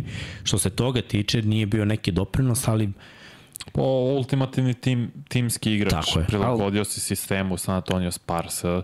Bio je, mislim, šest, jednom, jedan put je bio šesti igrač godine. Našao se u sistemu, kao i Tony Parker, gde se sjajno uklopio, možda da je bio u nekom drugom timu imao više individualnog uspeha, ne bi imao sigurno više timskog uspeha, ali svi su oni prilagodili sistemu Grega Popovića i, i tim razmišljenje vrti se ekipa oko tima Dankana, vi se uklapate tu, tu i tu, radite svoj posao sjajno, ozbiljni ste igrači, Hall of Fame igrači, to je to. dobro. I da vidimo Ima, ima tu još, ali evo. Dobro, Ređe smo prošli. Ređe možeš. Da, o Ređu smo dosta smo to pričali, dobili. ali ajde. Učesnik NBA finala, pet puta NBA All-Star, tri puta All-NBA team. Pet puta su igrali finale konferencije ti Pacersi. Bilo je stvarno teško. I na istoku, istok je ta bila dominantna konferencija. Uglavnom, bilo momente da je bio i zapad teži, naravno, ali treba, trebalo je onda dobiti te Knickse tih godina, taj Miami tih godina, Orlando, ok, sa Penijem i Šekom, takođe, mada su oni rastali 96. Chicago Bulls i da ne spomenjem, to je bila glavna prepreka koju ni, niko nije mogao da prevaziđe. Bili su toliko blizu Pacers i sedma utakmica u finalu konferencije 98. i ništa. Nisu mogli prosto da slome. Ako su tada imali najkompletniji svoj tim, desilo se njima dve godine kasnije su igrali finala, ali tad je već reči bio i malo stariji. Mislim da mu to bila 15. sezona. Dobar je tim bio, generalno nije loš tim, bio je vrlo dobar, samo mislim da je ta propuštena šansa bila 98. I mislim da bi opet izgubili od Utah Jazz. Pa dobro, imali su šansu i u, u sezonama 4-5 donekle. Mislim, Nixi su iskoristili, nije, nije da su bili Aha, jedni, ali 24, 25, da, da. da, bi, bilo je šanse tad, ono, Bullsi su malo pali, Pa da, ne, i otišao Michael u penziju. Tako je, Tad je ajde. Orlando jedne godine igrao finale, pre toga Nixi. Te dve godine su zapravo bile najbolje šanse bilo koga drugog. sa Ako govorimo, znaš, i ovo posle je bio ma Matorial, ovo je ono prime. Da, da. dobro, nije se desilo. I šta je ostalo? Clay? Ja da? Ostao je Clay, ostao je Joe Dumars. Da. Dobro, nema veze. Uh, mislim, za Kleja još uvek može da se mnogo toga doda, jer te čovjek će igrati još sigurno po mom nekom ra- razmišljanju u današnjoj košarci kako može da se igra još sigurno četiri godine. Vidjet ćemo kako će oni... Ja verujem da ta dinastija može da, da potraje još bar četiri godine. Naravno, uloge će se malo promeniti, ali ja, ja ga još uvek čekam da se u, da u potpunosti izađe iz ove povrede. I, znaš, da, da bude ono totalno sveži. Vidjet ćemo da li će ostati Chris Paul i da li će njegovo dovođenje to može da bude mač sa dve oštrice, znaš, može da bude baš loše za Golden State, ali može da vrati Kleja kad imaš U život. Tako je, tako je, jer će imati pleja i onda će i Steph i Clay biti bekovi šuteri i sa takvim bekovima šuteri, njihovim kretnjama, raznim blokovima koje prave, jer oni, mislim, bukvalno idu i čekaju to iz izlazne kredite. Da juriš i Stefa i Kleja, dok znaš da Chris Paul može Ne da znam igra koliko pi... Clay još može da juri. Ne, brate, ne mora ni toliko, jer, znaš, ni, ni, ne može ni da se uklopi da obojica jure toliko, ali dovoljno je da samo izađe malo aktivnije iz pika i da dobije loptu.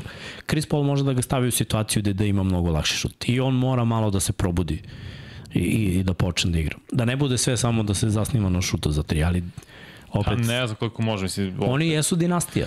ne, i, naravno I da on jesu. ima timske uspehe. Osam godina, šest finala, naravno su I dinastije. bio je drugi igrač kada su osvojili. Ne. Bio je ofanzivno drugi igrač. Ofanzivno, da. Ali bio radio je posao vanje i defanzivno. Ne, ne, Clay je bio jako dobar defanzivac. Ali je srce Nije tima bio najbolji defanzivac, jer je Draymond bolji. Ali je bio- da je srce tima bio Draymond Green. I da je on bio pitniji igrač nego Clay Thompson. Jest, i, i Guadala je radio posao defanzivno, ali ja ne Clay je radio, Clay- ne, ne, Clay je Clay radio Thompson je posao defanzivno, vrlo, vrlo a ofanzivno je bio drugi igrač u napadu. Da, da, Clay Thompson je defanzivno vrlo, vrlo dobar igrač bio, uvek. Uvek je čuvao najbolje beka protivničkog tima, za što Steph nije. Nije na tom nivou, to nije sporno. Samo u nijednom momentu Clay Thompson, makar u mojim očima, nije bio drugi najbolji igrač na Warriorsima. To je bio Steph, to je bio Draymond. Posle se pojavio Durant, pa to nije ni mogao bude. Bilo je Steph Durant.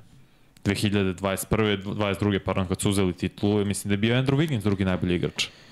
Puštaj Clay brat, umreću. Clay Thompson ima tu, Sledeći put ću da vam ostavim ovaj... pa da se bacakamo, a? Mislim da Clay Thompson nikad neće biti top 10 igrač na njegove poziciji, a to je ova pozicija. Jer kad i više igrače kao što su Ray Allen koji je i dobar deo svoje karijere bio opcija broj 1 i predvodio svoj tim do nekle neki playoff uspeh ima ok, bili su uvek konkurentni i neki faktor u konferenciji pre svega na istoku posle ovih Supersonics na zapadu.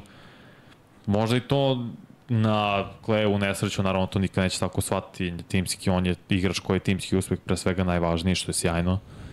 Možda da je bio nekad glavni igrač da se oko njega vrti franšize, pa da vidimo koliko može. Bio je on pet puta All-Star igrač, dva puta je bio u trećoj petorci. Bio je jednom i u defensivnom. Najbolji šuter pored Stefa Karija, ikada. Čisti šuter. Kad pričam samo skok šut, dobije loptu Tako. odmah, to je on i Stef. Ma kao spot-up shooter. Tako ne znam, je. meni je jako lepa njegova Catch and mehanika shoot, to je malo širi stav ima, ali opet. Mm. Dobro, Ja ne znam kao kad imaš taj pišu. square stav, lopta da, ide ravno, mislim. Stvarno, Meni, ja ne mogu, neću moći nikad Kleda da stavim ispred ovakvih imena, pogotovo top 10. Ron Harper, pet titula. Ron Har- Harper je igrao playa, koliko ja znam, sa Bullsima, pored Michael. Zar nije? U petorci. A startuje petorku. Ispravim ako grešim. Za Dražena te pitaju isto. Pa Draže, nažalost, njegova pogibija je uticala na to da je igrao, da je ostao živ. Jako Možda bi napredovao. bio. On I je, dobio je priznanje tačno kad je napredovao. tako je bio all-star igrač. I on je napravio tu prvi tu evoluciju kad šutu za tri poena Te nam je dres. kod miksa. On je napravio tu evo, prvi evoluciju kad šutu za tri poena. On je Reggie Miller u to vreme. Ja smatram Draženom najboljim bekom u istoriji u našem regionu na Balkanu. Možda se to treba bolje preformulišem prošli put kad sam rekao da je najveći Da, odavde Jokara. Jokića, naravno. Mislim sam na, na bekove kad smo pričali o Đorđeviću, Bogdanu i tako da. Da, Ali prosto se desilo to što se desilo, nažalost, i nikad nećemo znati koliko veliki mogu da bude. nismo zaboravili šta je radio pre NBA, nego mi ovde baš konkretno pričamo Tako o je. On je u Realu najboljim. dao bre 60-70 pojene, im njegov dres iz Real. Madrida. Da, da. Uzao sam ga u njegovom muzeju, taj njegov dres iz Real. Madrida je im bio ovde u studiju, ne znam da li je dalje od mi kuće. Ne važno. Kući ti.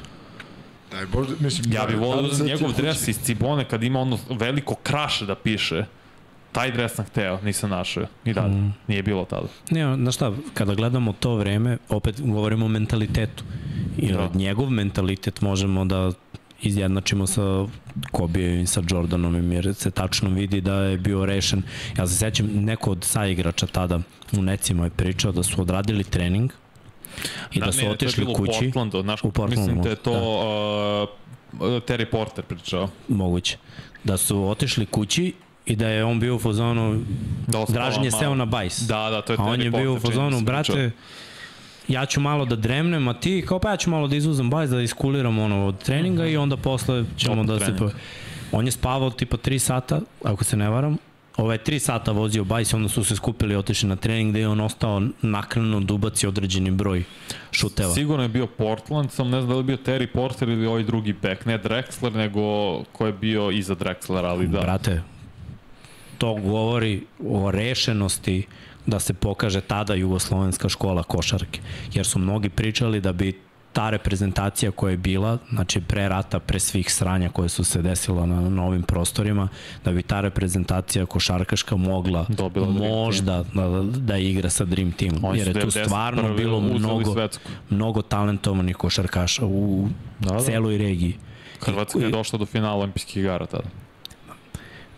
Dražen kao Dražen, znači kad je dobio svoju šansu, znaš šta je fora bila tad? Uh, igrači su iz Evrope tada ulazili onako na zadnja vrata koja su jedva bila odškrinuta, ono po noći da ne škripi i da niko ne čuje. Da, da. Danas su otvorena vrata, izbačen crveni tepih i izvolite, molimo, suđite. Da. Uh, nije isto. Da, nekada si morao da, da giljaš, da radiš da bi dobio šansu. I opet morao si malo da se drugačiji je stil bio košarke, igralo više minuta, bili su fizikalni, pričao sam o tome kad vidiš tu prosečnu građu, kod nas je isto bilo drugačije naš, kod, kod nas je nije toliko bacao akcenat na, na teretanu, nisu momci bili toliki, ti kad pogledaš igrače 90-ih u NBA-u, Znači, neki su bili kao od brega odvaljeni, kao da su došli iz NFL-a da odigraju Pa pogledaš u Larry. Johnsona. Bozi iz krila. Nije, nije baš bilo realno. Mislim, morao si da uložiš vreme, krv, znoj i suze da dođeš do nekog nivoa. Dražen je bio pretalentovani šuter. I on je ulagao, videla se da je radio mnogo na fizičkoj spremi, jer kad si umoran, šuti nije isti, to stalno pričamo, noge ti se odseku i onda šutiraš sam, samo rukama. A trebalo bi, znaš, da budeš tako odmoran da konstantno možeš da trčiš u odbrani, da se krećeš, jer ako ne igraš odbranu u onoj jeri, nemaš šta da radiš na terenu, teren te stavi na klupu, sedi i gledaj. Znači, baš je trebalo mnogo vremena on je dao sve od sebe, bio je jedan od igrača koji je najviše napredovao u ligi i me, znaš, delovalo je kao da je to to, to je sledeća zvezda šteta, to putevi sudbine, znaš, to se nikad, to je isto ono što sam ja stalno pominjem kad radimo 99 yardi sa Seanom Taylorom, mm Mhm. -hmm.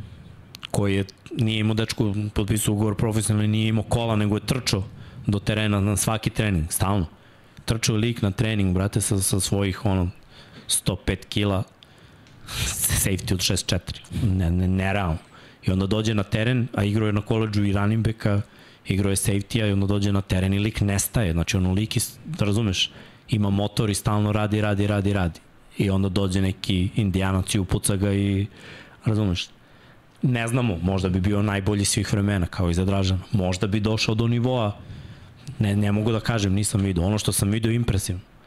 Ono što sam video je za svaku pohvalu. Ta radna etika, ta rešenost, odlučnost, taj moment, uh, znaš, on nije ustuknuo od, od velikog momenta nikada, ni reprezentativno, ni, ni timski. Šteta što ga nismo videli u, u toj da daš da, da ima više klipova, više ovih priča, znaš, da, da, da je ova era ko sada da se svi snimaju i sve, bilo bi mnogo, mnogo više da se vidi o tom. Slažem se. Da. Kad, zapravo, da su oni onda... Oni su svetsko uzeli 90. evropsko 91. Ta reprezentacija pre olimpijskih igara, pa se onda No. rastavila. Da, 90. je bila ona scena baš sa zastavom, to je, Je li 91. bilo to ili 90. ja mislim da je 90. bilo. Mo- možda grešim. Hrvatska zastava, znam, da tačno šta je, to je ono iz, najbolje se vidi iz film, to je iz dokumentarci jednog Da, da. Vodivicu i Da, da, da. Dražan. A, dobro. Iskreno, to bi bilo to. I mislim da smo ga dali, Ansarki, sad smo blizu tri Jesmo. čugice. Da, da, dosta smo dali. Još neko ima par pitanja i to je... Ajmo, ajmo malo pitanja i odgovore, pucaj, pa Imaš 20 minuta recimo za pitanje ako hoćeš.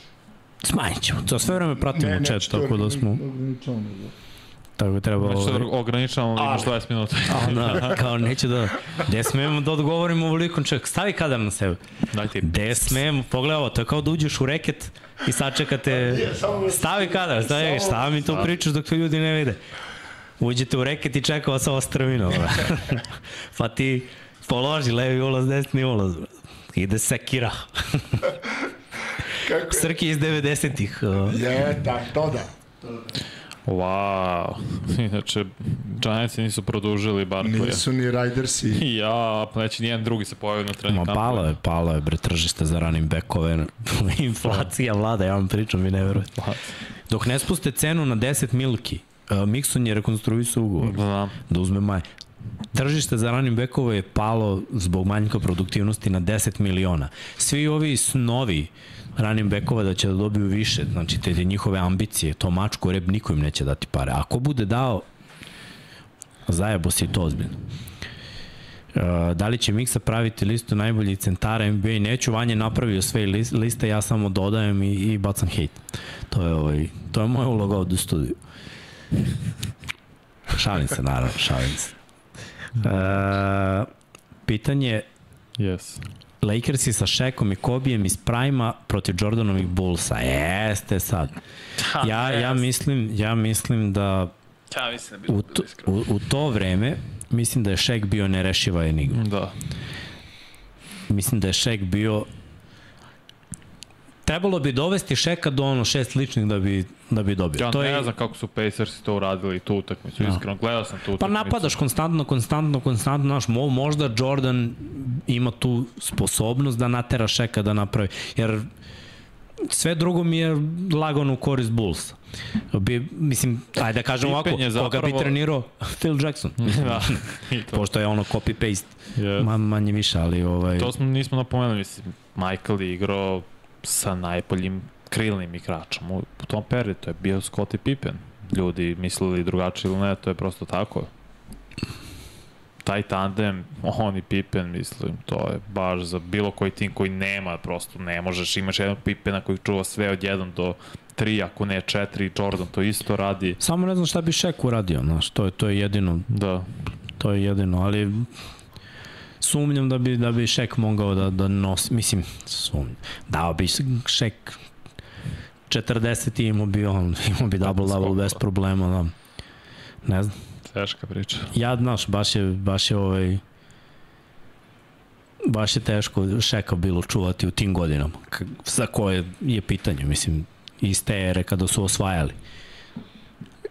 Čak evo, mislim, Krstić kad je bio ovde, on kad iz prve, znaš ono, kad neko ko igra, šta mi ovde pričamo, mi smo čoveka videli na terenu u tim godinama kad je bio otišao dečku u NBA i kaže on sa svojih 30 te razgrne bez problema, ne, ne možeš da mu pariraš.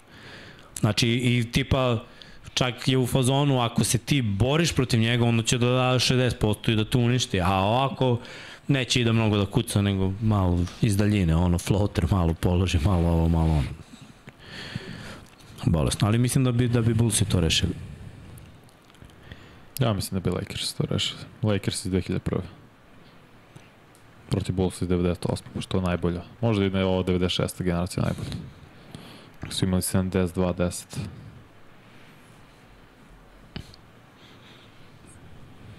Ne znam. Ja baš, ja baš verujem da su ti Bullsi najbolja ekipa koja je ikad igrala. Čuvao je Denis Šeka, ali ne u godinama kada je Šek bio na onom nivou. Da, ne, te ja znam kako bi Dennis Ja mislim da, da Šek, mislim, možda grešim. Mislim da je Šek bio mnogo dominantniji od 2001. do 2004. nego što je bio u Od ranijim godinama. 2000-te do Jer je dobio, od dobio je godina, više mase. Morali bi da, da istroše centra, mislim, to, to je uvek dobro. Neke, neke ekipe su pravile roster tako što su imali ono, po trojic, ono, tri, četiri centra, zato što je zadatak bio Rotiraš. ono, fauler šeka. Nek šutira bacanja, Burazer, koliko ima? 50-60%? 50. Odlično. Eto, neki ide na bacanje. Ali rešenje za, za Jordana ne znam ko bi našao. Baš, baš je bilo baš je bilo teško. Wow, mogo je, mogo je da proba. A, pitanje, se sećate 2002. Da li ste gledali utakmicu? Koju utakmicu, brate? 2002. Lakers i Kings, ako na to alu- aludiraju. Divac ga je, da, na to. Koliko Divac sećam- ga je čuo, nije ga samo Divac čuo, jer on je Scott Pollard isto centar. I, mislim, čuvao. Pročitaj koliko, mislim, koliko je imao poena šek, nije ga zaustavio. Nosio se, bravo, mešteno, nosio se sa šekom. To je istina. Ali nije ga zaustavio. Lik je bio nezaustavljiv. Ali bacanje nije mogao da uboda, on je posle baš vežbao onu tehniku sa tri prsta. Koja je meni bila užasno smešna. Zato cenim neke današnje centre, brate, koji, koji što su Jokara i Embiid zapravo. Embiid, Dobri šuteri sa linije slobodnih bacanja. Da, skoro 90% šutera NBA, to je, to je nenormalno. To je baš nenormalno. Mada tad je bila krađa Lakersa. Ali ajde, bilo je suđeno da, da odu u finale. Je li suđen da osvoje? Hm? Pa Je jes, da jes, hvala. Kaže, Denis je bio ključ da Chicago bude najbolji tim svih vremena. Denis je radilica, Nesta je onako lud, to, to mu je tek doprinalo da bude bolji za Chicago. Jer su oni prihvatili njegov... Phil Jackson je u stvari majstor, on ti je kao Andy Reid. Tako ja to vidim. On ne želi da ispravlja igrače, da ih koriguje, da ih tera da budu nešto što oni nisu, nego prihvati ih takve kakvi su i onda pokušava da im, da im objasni da im, da timu treba najbolje što oni mogu da daju i da oni, znaš, da se ne menjaju, ali malo da se Prilagu. u normale zbog timskog uspeha, da shvate koliko su to velike stvari u tim timovima. I Andy i Phil Jackson su kroz svoju karijeru dovodili mnoge lude igrača, ako tako mogu da kažem. Lude glave, to smo pravili u Za 99 NFL. yardi kad su nabrajali na kraju. I NBA je imao mnogo ludi glava. Denis je definitivno jedno od njih, ali eto, on je shvatio koji su njegovi talenti i kako može da pomogne timu i znaš, svoju ulogu u timu je shvatao jako ozbiljno. Znači, ako treba da ima 20 skokova i 0 poena, fokus je da ima 20 skokova. Da provocira igrača, da mu uđe pod kožu, da zagradi, da se baci na loptu, da raspali halu. To su isto velike stvari koje prave razliku na utakmicama.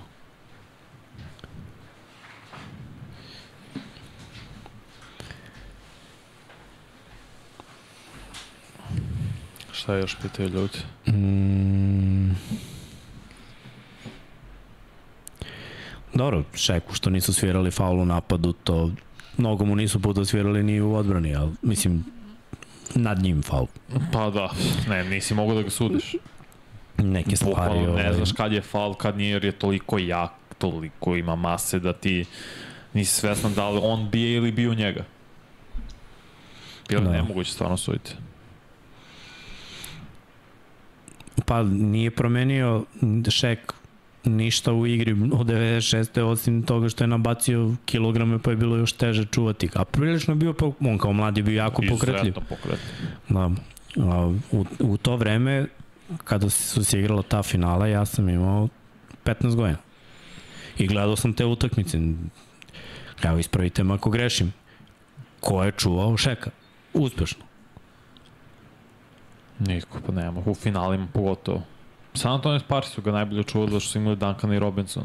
Samo što u tom momentu, ok, ti limitiraš šeka na 20 poena, ali Brian ti metne 30. Ne, možeš i da ih limitiraš. Mislim, To gledaj, to. sama činjenica da čovjek ne može da pogodi bacanje, ali oni su onda uveli ono pravilo da ne može da bude heka šek. Evo ti protiv San Antonija te 2002. Druga runda, šek 23, 19, 22, 22, Opet 21 govorimo poen. isto u eri gde se nije igralo ko danas, Tako je. pa ne možeš baš da očekuješ da bude 30 kusu. Pace je bio drugačiji. Mnogo bio, bilo, sporije. je, bilo je sporije. Mnogo najsporije. Zato nisu mogli da imaju opet ko danas kad uporedimo poene koje tipa ima Jokić koliko može i šta može da brži je pace, znači više napada se odigra u toku utakmice. Da li 8 napada više A- ili ne, ne znam koliko lopta. To je Ja mnogo. definitivno mislim da su Bullsi bili najbolji tim. Znači ja sam naj, mislim mogu da kažem da sam bio prilično svestan tih Bullsa iz 6. 7. 8. Mhm. s obzirom da sam tad već imao ono zav- završavao osnovnu školu. Jeste da je to onako bio si dete, nisi, ali znaš, zaljubio sam se to i to je možda razlog ovaj, znaš, kada vidiš nešto i onda posle kada gledaš naknadno kao mator, pa pustiš te snimke i gledaš i onda gledaš zašto ti se to toliko svidelo i I da nisi bio svestan tada, ja sigurno nisam. Posle gledaš, posle Ne, ne, posle, edukuješ posle kad sam gledao, bio sam u fazonu, ok, brate, pa ovo je- ovde ne. ovo je stvarno bilo wow. Znaš, ja sam zbog toga počeo da treniram košarku kao klinac. Bio sam u onu, batali sve ostalo, ovo je u fullu. Hoću ovo. Bio je Marcina Šek kad je nabacio kilograma, nisi mogao da čuvaš kako je Marcina bio. Da, to pa je... evo ti kaže, zato gledam, San Antonio ste rekao statistiku 2002. Da, da. 2001. 28, baš protiv San Antonija, finale konferencije. 28, 19, 35, 26, Šek. Bryant 45, 28, 36, 24. Ne možeš da zaustaviš, nema, to ti je to. Jednog limitiraš, ovaj drugi te natovari. Onda sledeća serija finale, kakav je mismatch, više korist Šeka, ide sve na Šeka. Ovo je No. opet ubaci Pazi, 30 Fila, je dovela. Dikembe kao ono, je. igrača i to da probaju Dikembe sa koliko god raspon ruku i sve, sve čovek radio, ali nema dovoljno mase, znaš, možda bude uguran. Tako je. Tako da, eto, meni ostaje žal, uvek sam pričao to za taj Sacramento, to je bila ekipa, znaš, nije se spavalo, ma i pre podne kad se išlo u školu, nije se spavalo samo to da se gleda. To je bilo najvažnije. Gledaš kroz prozor i on se upopaljena svetlo, svi gledaju. Ali nije se desilo. Šta da se radi? E, Sacramento, Marko, gledao sam, mislim da nisam propustio ni jedan prenos koji je bio za, za Sacramento. Lako sam preko I kiša, ovaj- zbog one trojke iz, iz Ćoška. Ne, Orija, Orija, nije, Nije levi, nego...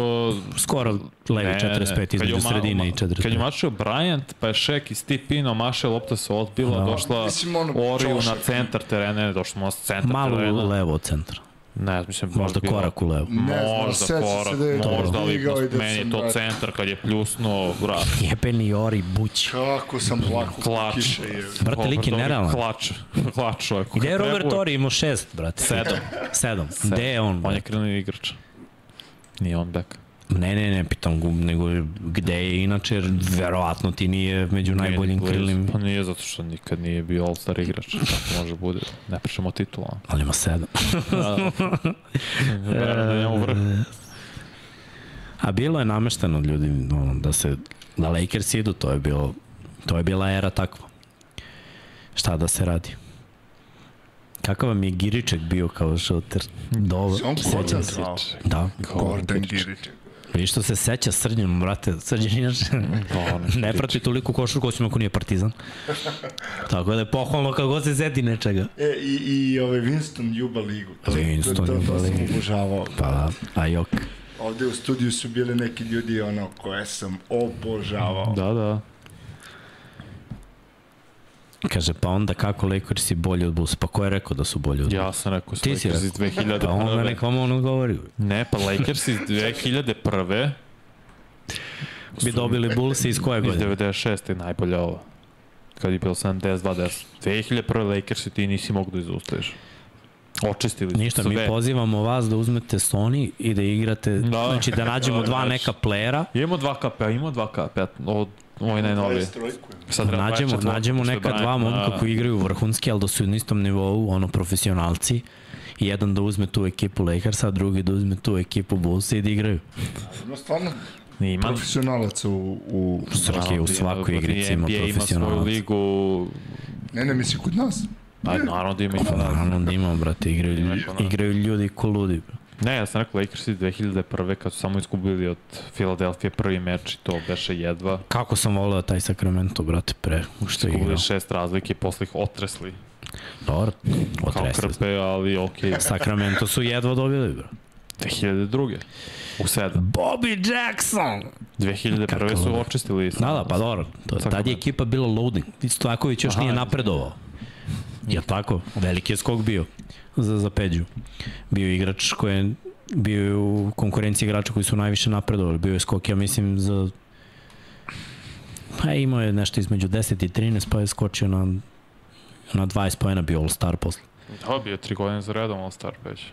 Da, da, nego nije odmah, znaš, Ne, nego, sad ću da i ne mogu setiti, stvarno, ko, koliko beliš. Dobro, pa ne mogu ja da se setim, nagađam oko iz glave. Po sećanjima, rovarim i kopam. Ali mislim da je Nije bilo tako. beležio 20 poen. Ja Te godine, a? 2001. Da, da, da. Da, onda je napredak bio od skok godinu 2000-te, dana da, da, ranije, da. da, da. To Mogao bude i mešamo. All-Star i te 2001. iskreno. Ali da, tad je beležio 20, 21, 19, 24, 20, 18 i tako dalje. Da li Srki pamti Mileta Lisicu?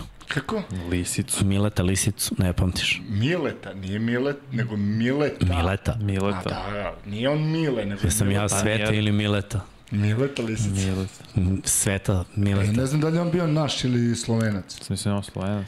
Vidi ga, Srki je ladno pamti, ovo je bio tez za Te, tebe. Ju, Winston Juba Liga, brate. Ovdje je Svaka sedeo čast, Srki. Vidačić. Svaka čast, brate moj. Svaka čast, brate. Uh, dobro. Mal, manje polemike ima za ove bekove šutere nego za playmakera. Ako mi... Kako misliš? Uh, Pa rasprave oko tome ko pa da što je stavio Krista Paul u top 10 play-ova. Zato što je zaslužio bude top 10 play. Ljudi izgleda više vole Hardena. Šalim se, ne, ja sam zapenio na, na Krisu. A, brate, možda i zaslužuje, samo što ne znam. Zaslužio, ne znam. Dobar je play, bilo je mnogo dobrih play u istoriji. Možda je bilo, Više je bilo... više dobrih play u istoriji NBA nego, nego šutera. Hmm, možda. Ali dobro. Ništa, ovaj, to bi bilo to, ljudi. Hvala vam što ste ispratili ovo. Ušli smo u, u novi dan. Koliko ima subscriber? 300 ljudi u live a subscribera 896, brate. Skočilo? Dobro je, da, da. Bilo je, bilo je nekih... 8, 8 7, 8. 22 nam je falilo. Ne, ne, to je bilo kad si me pitao poslednji put, a pre toga je bilo Da, da, da, još... znači 15 plus sada koliko, 18, eto ti, ili Da, da, tako, da. 30, Bravo, 30 bravo, ljudi. Hvala vam.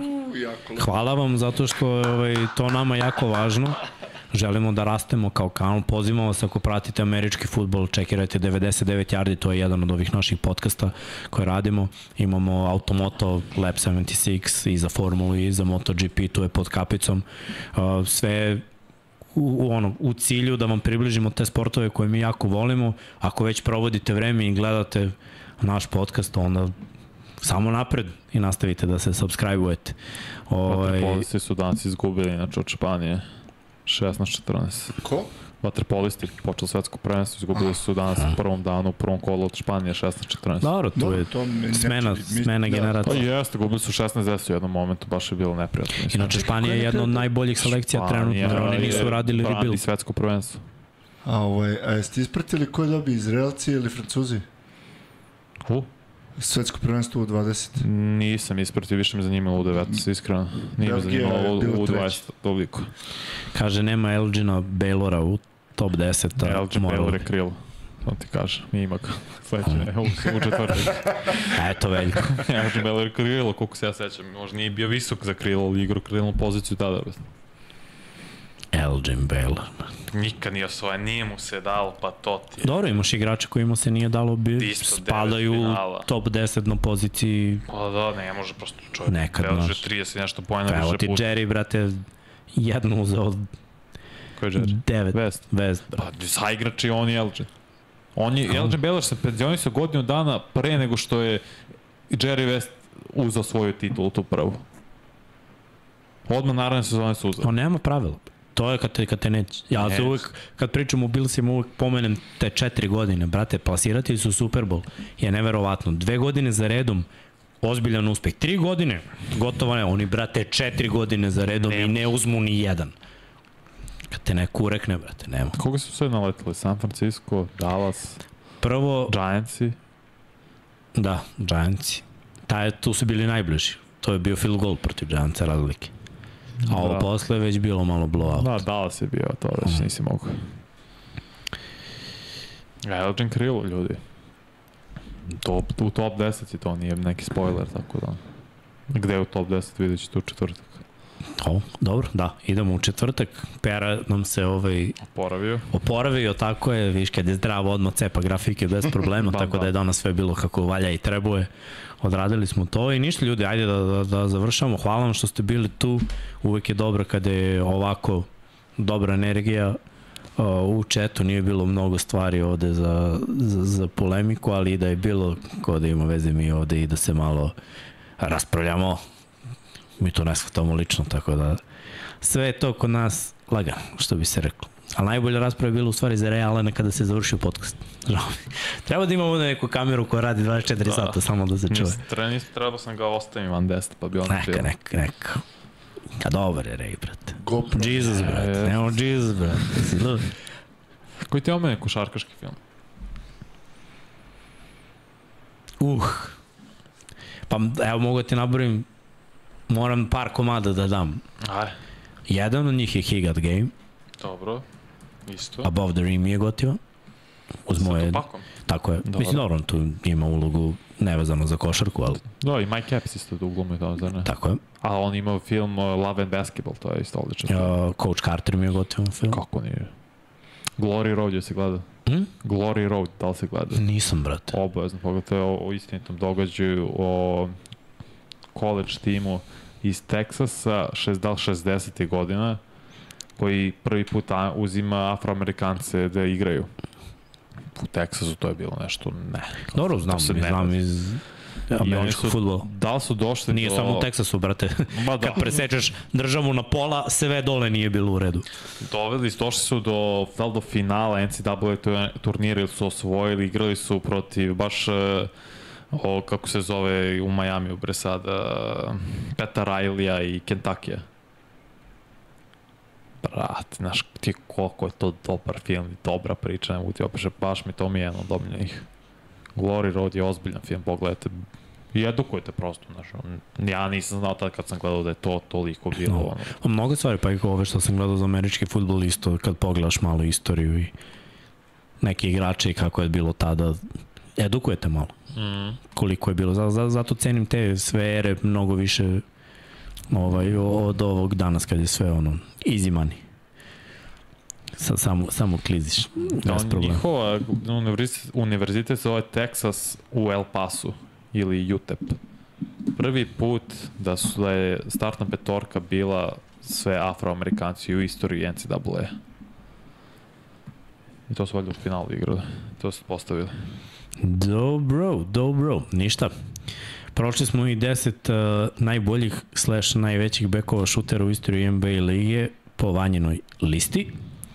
A do četvrtka vas pozdravljamo iz Infinity Lighthouse studija i gledamo najbolja slash najveća krila u istoriji NBA ligi. Srki, puštaj Patreone pa da se razilazimo. Se ne ljubim.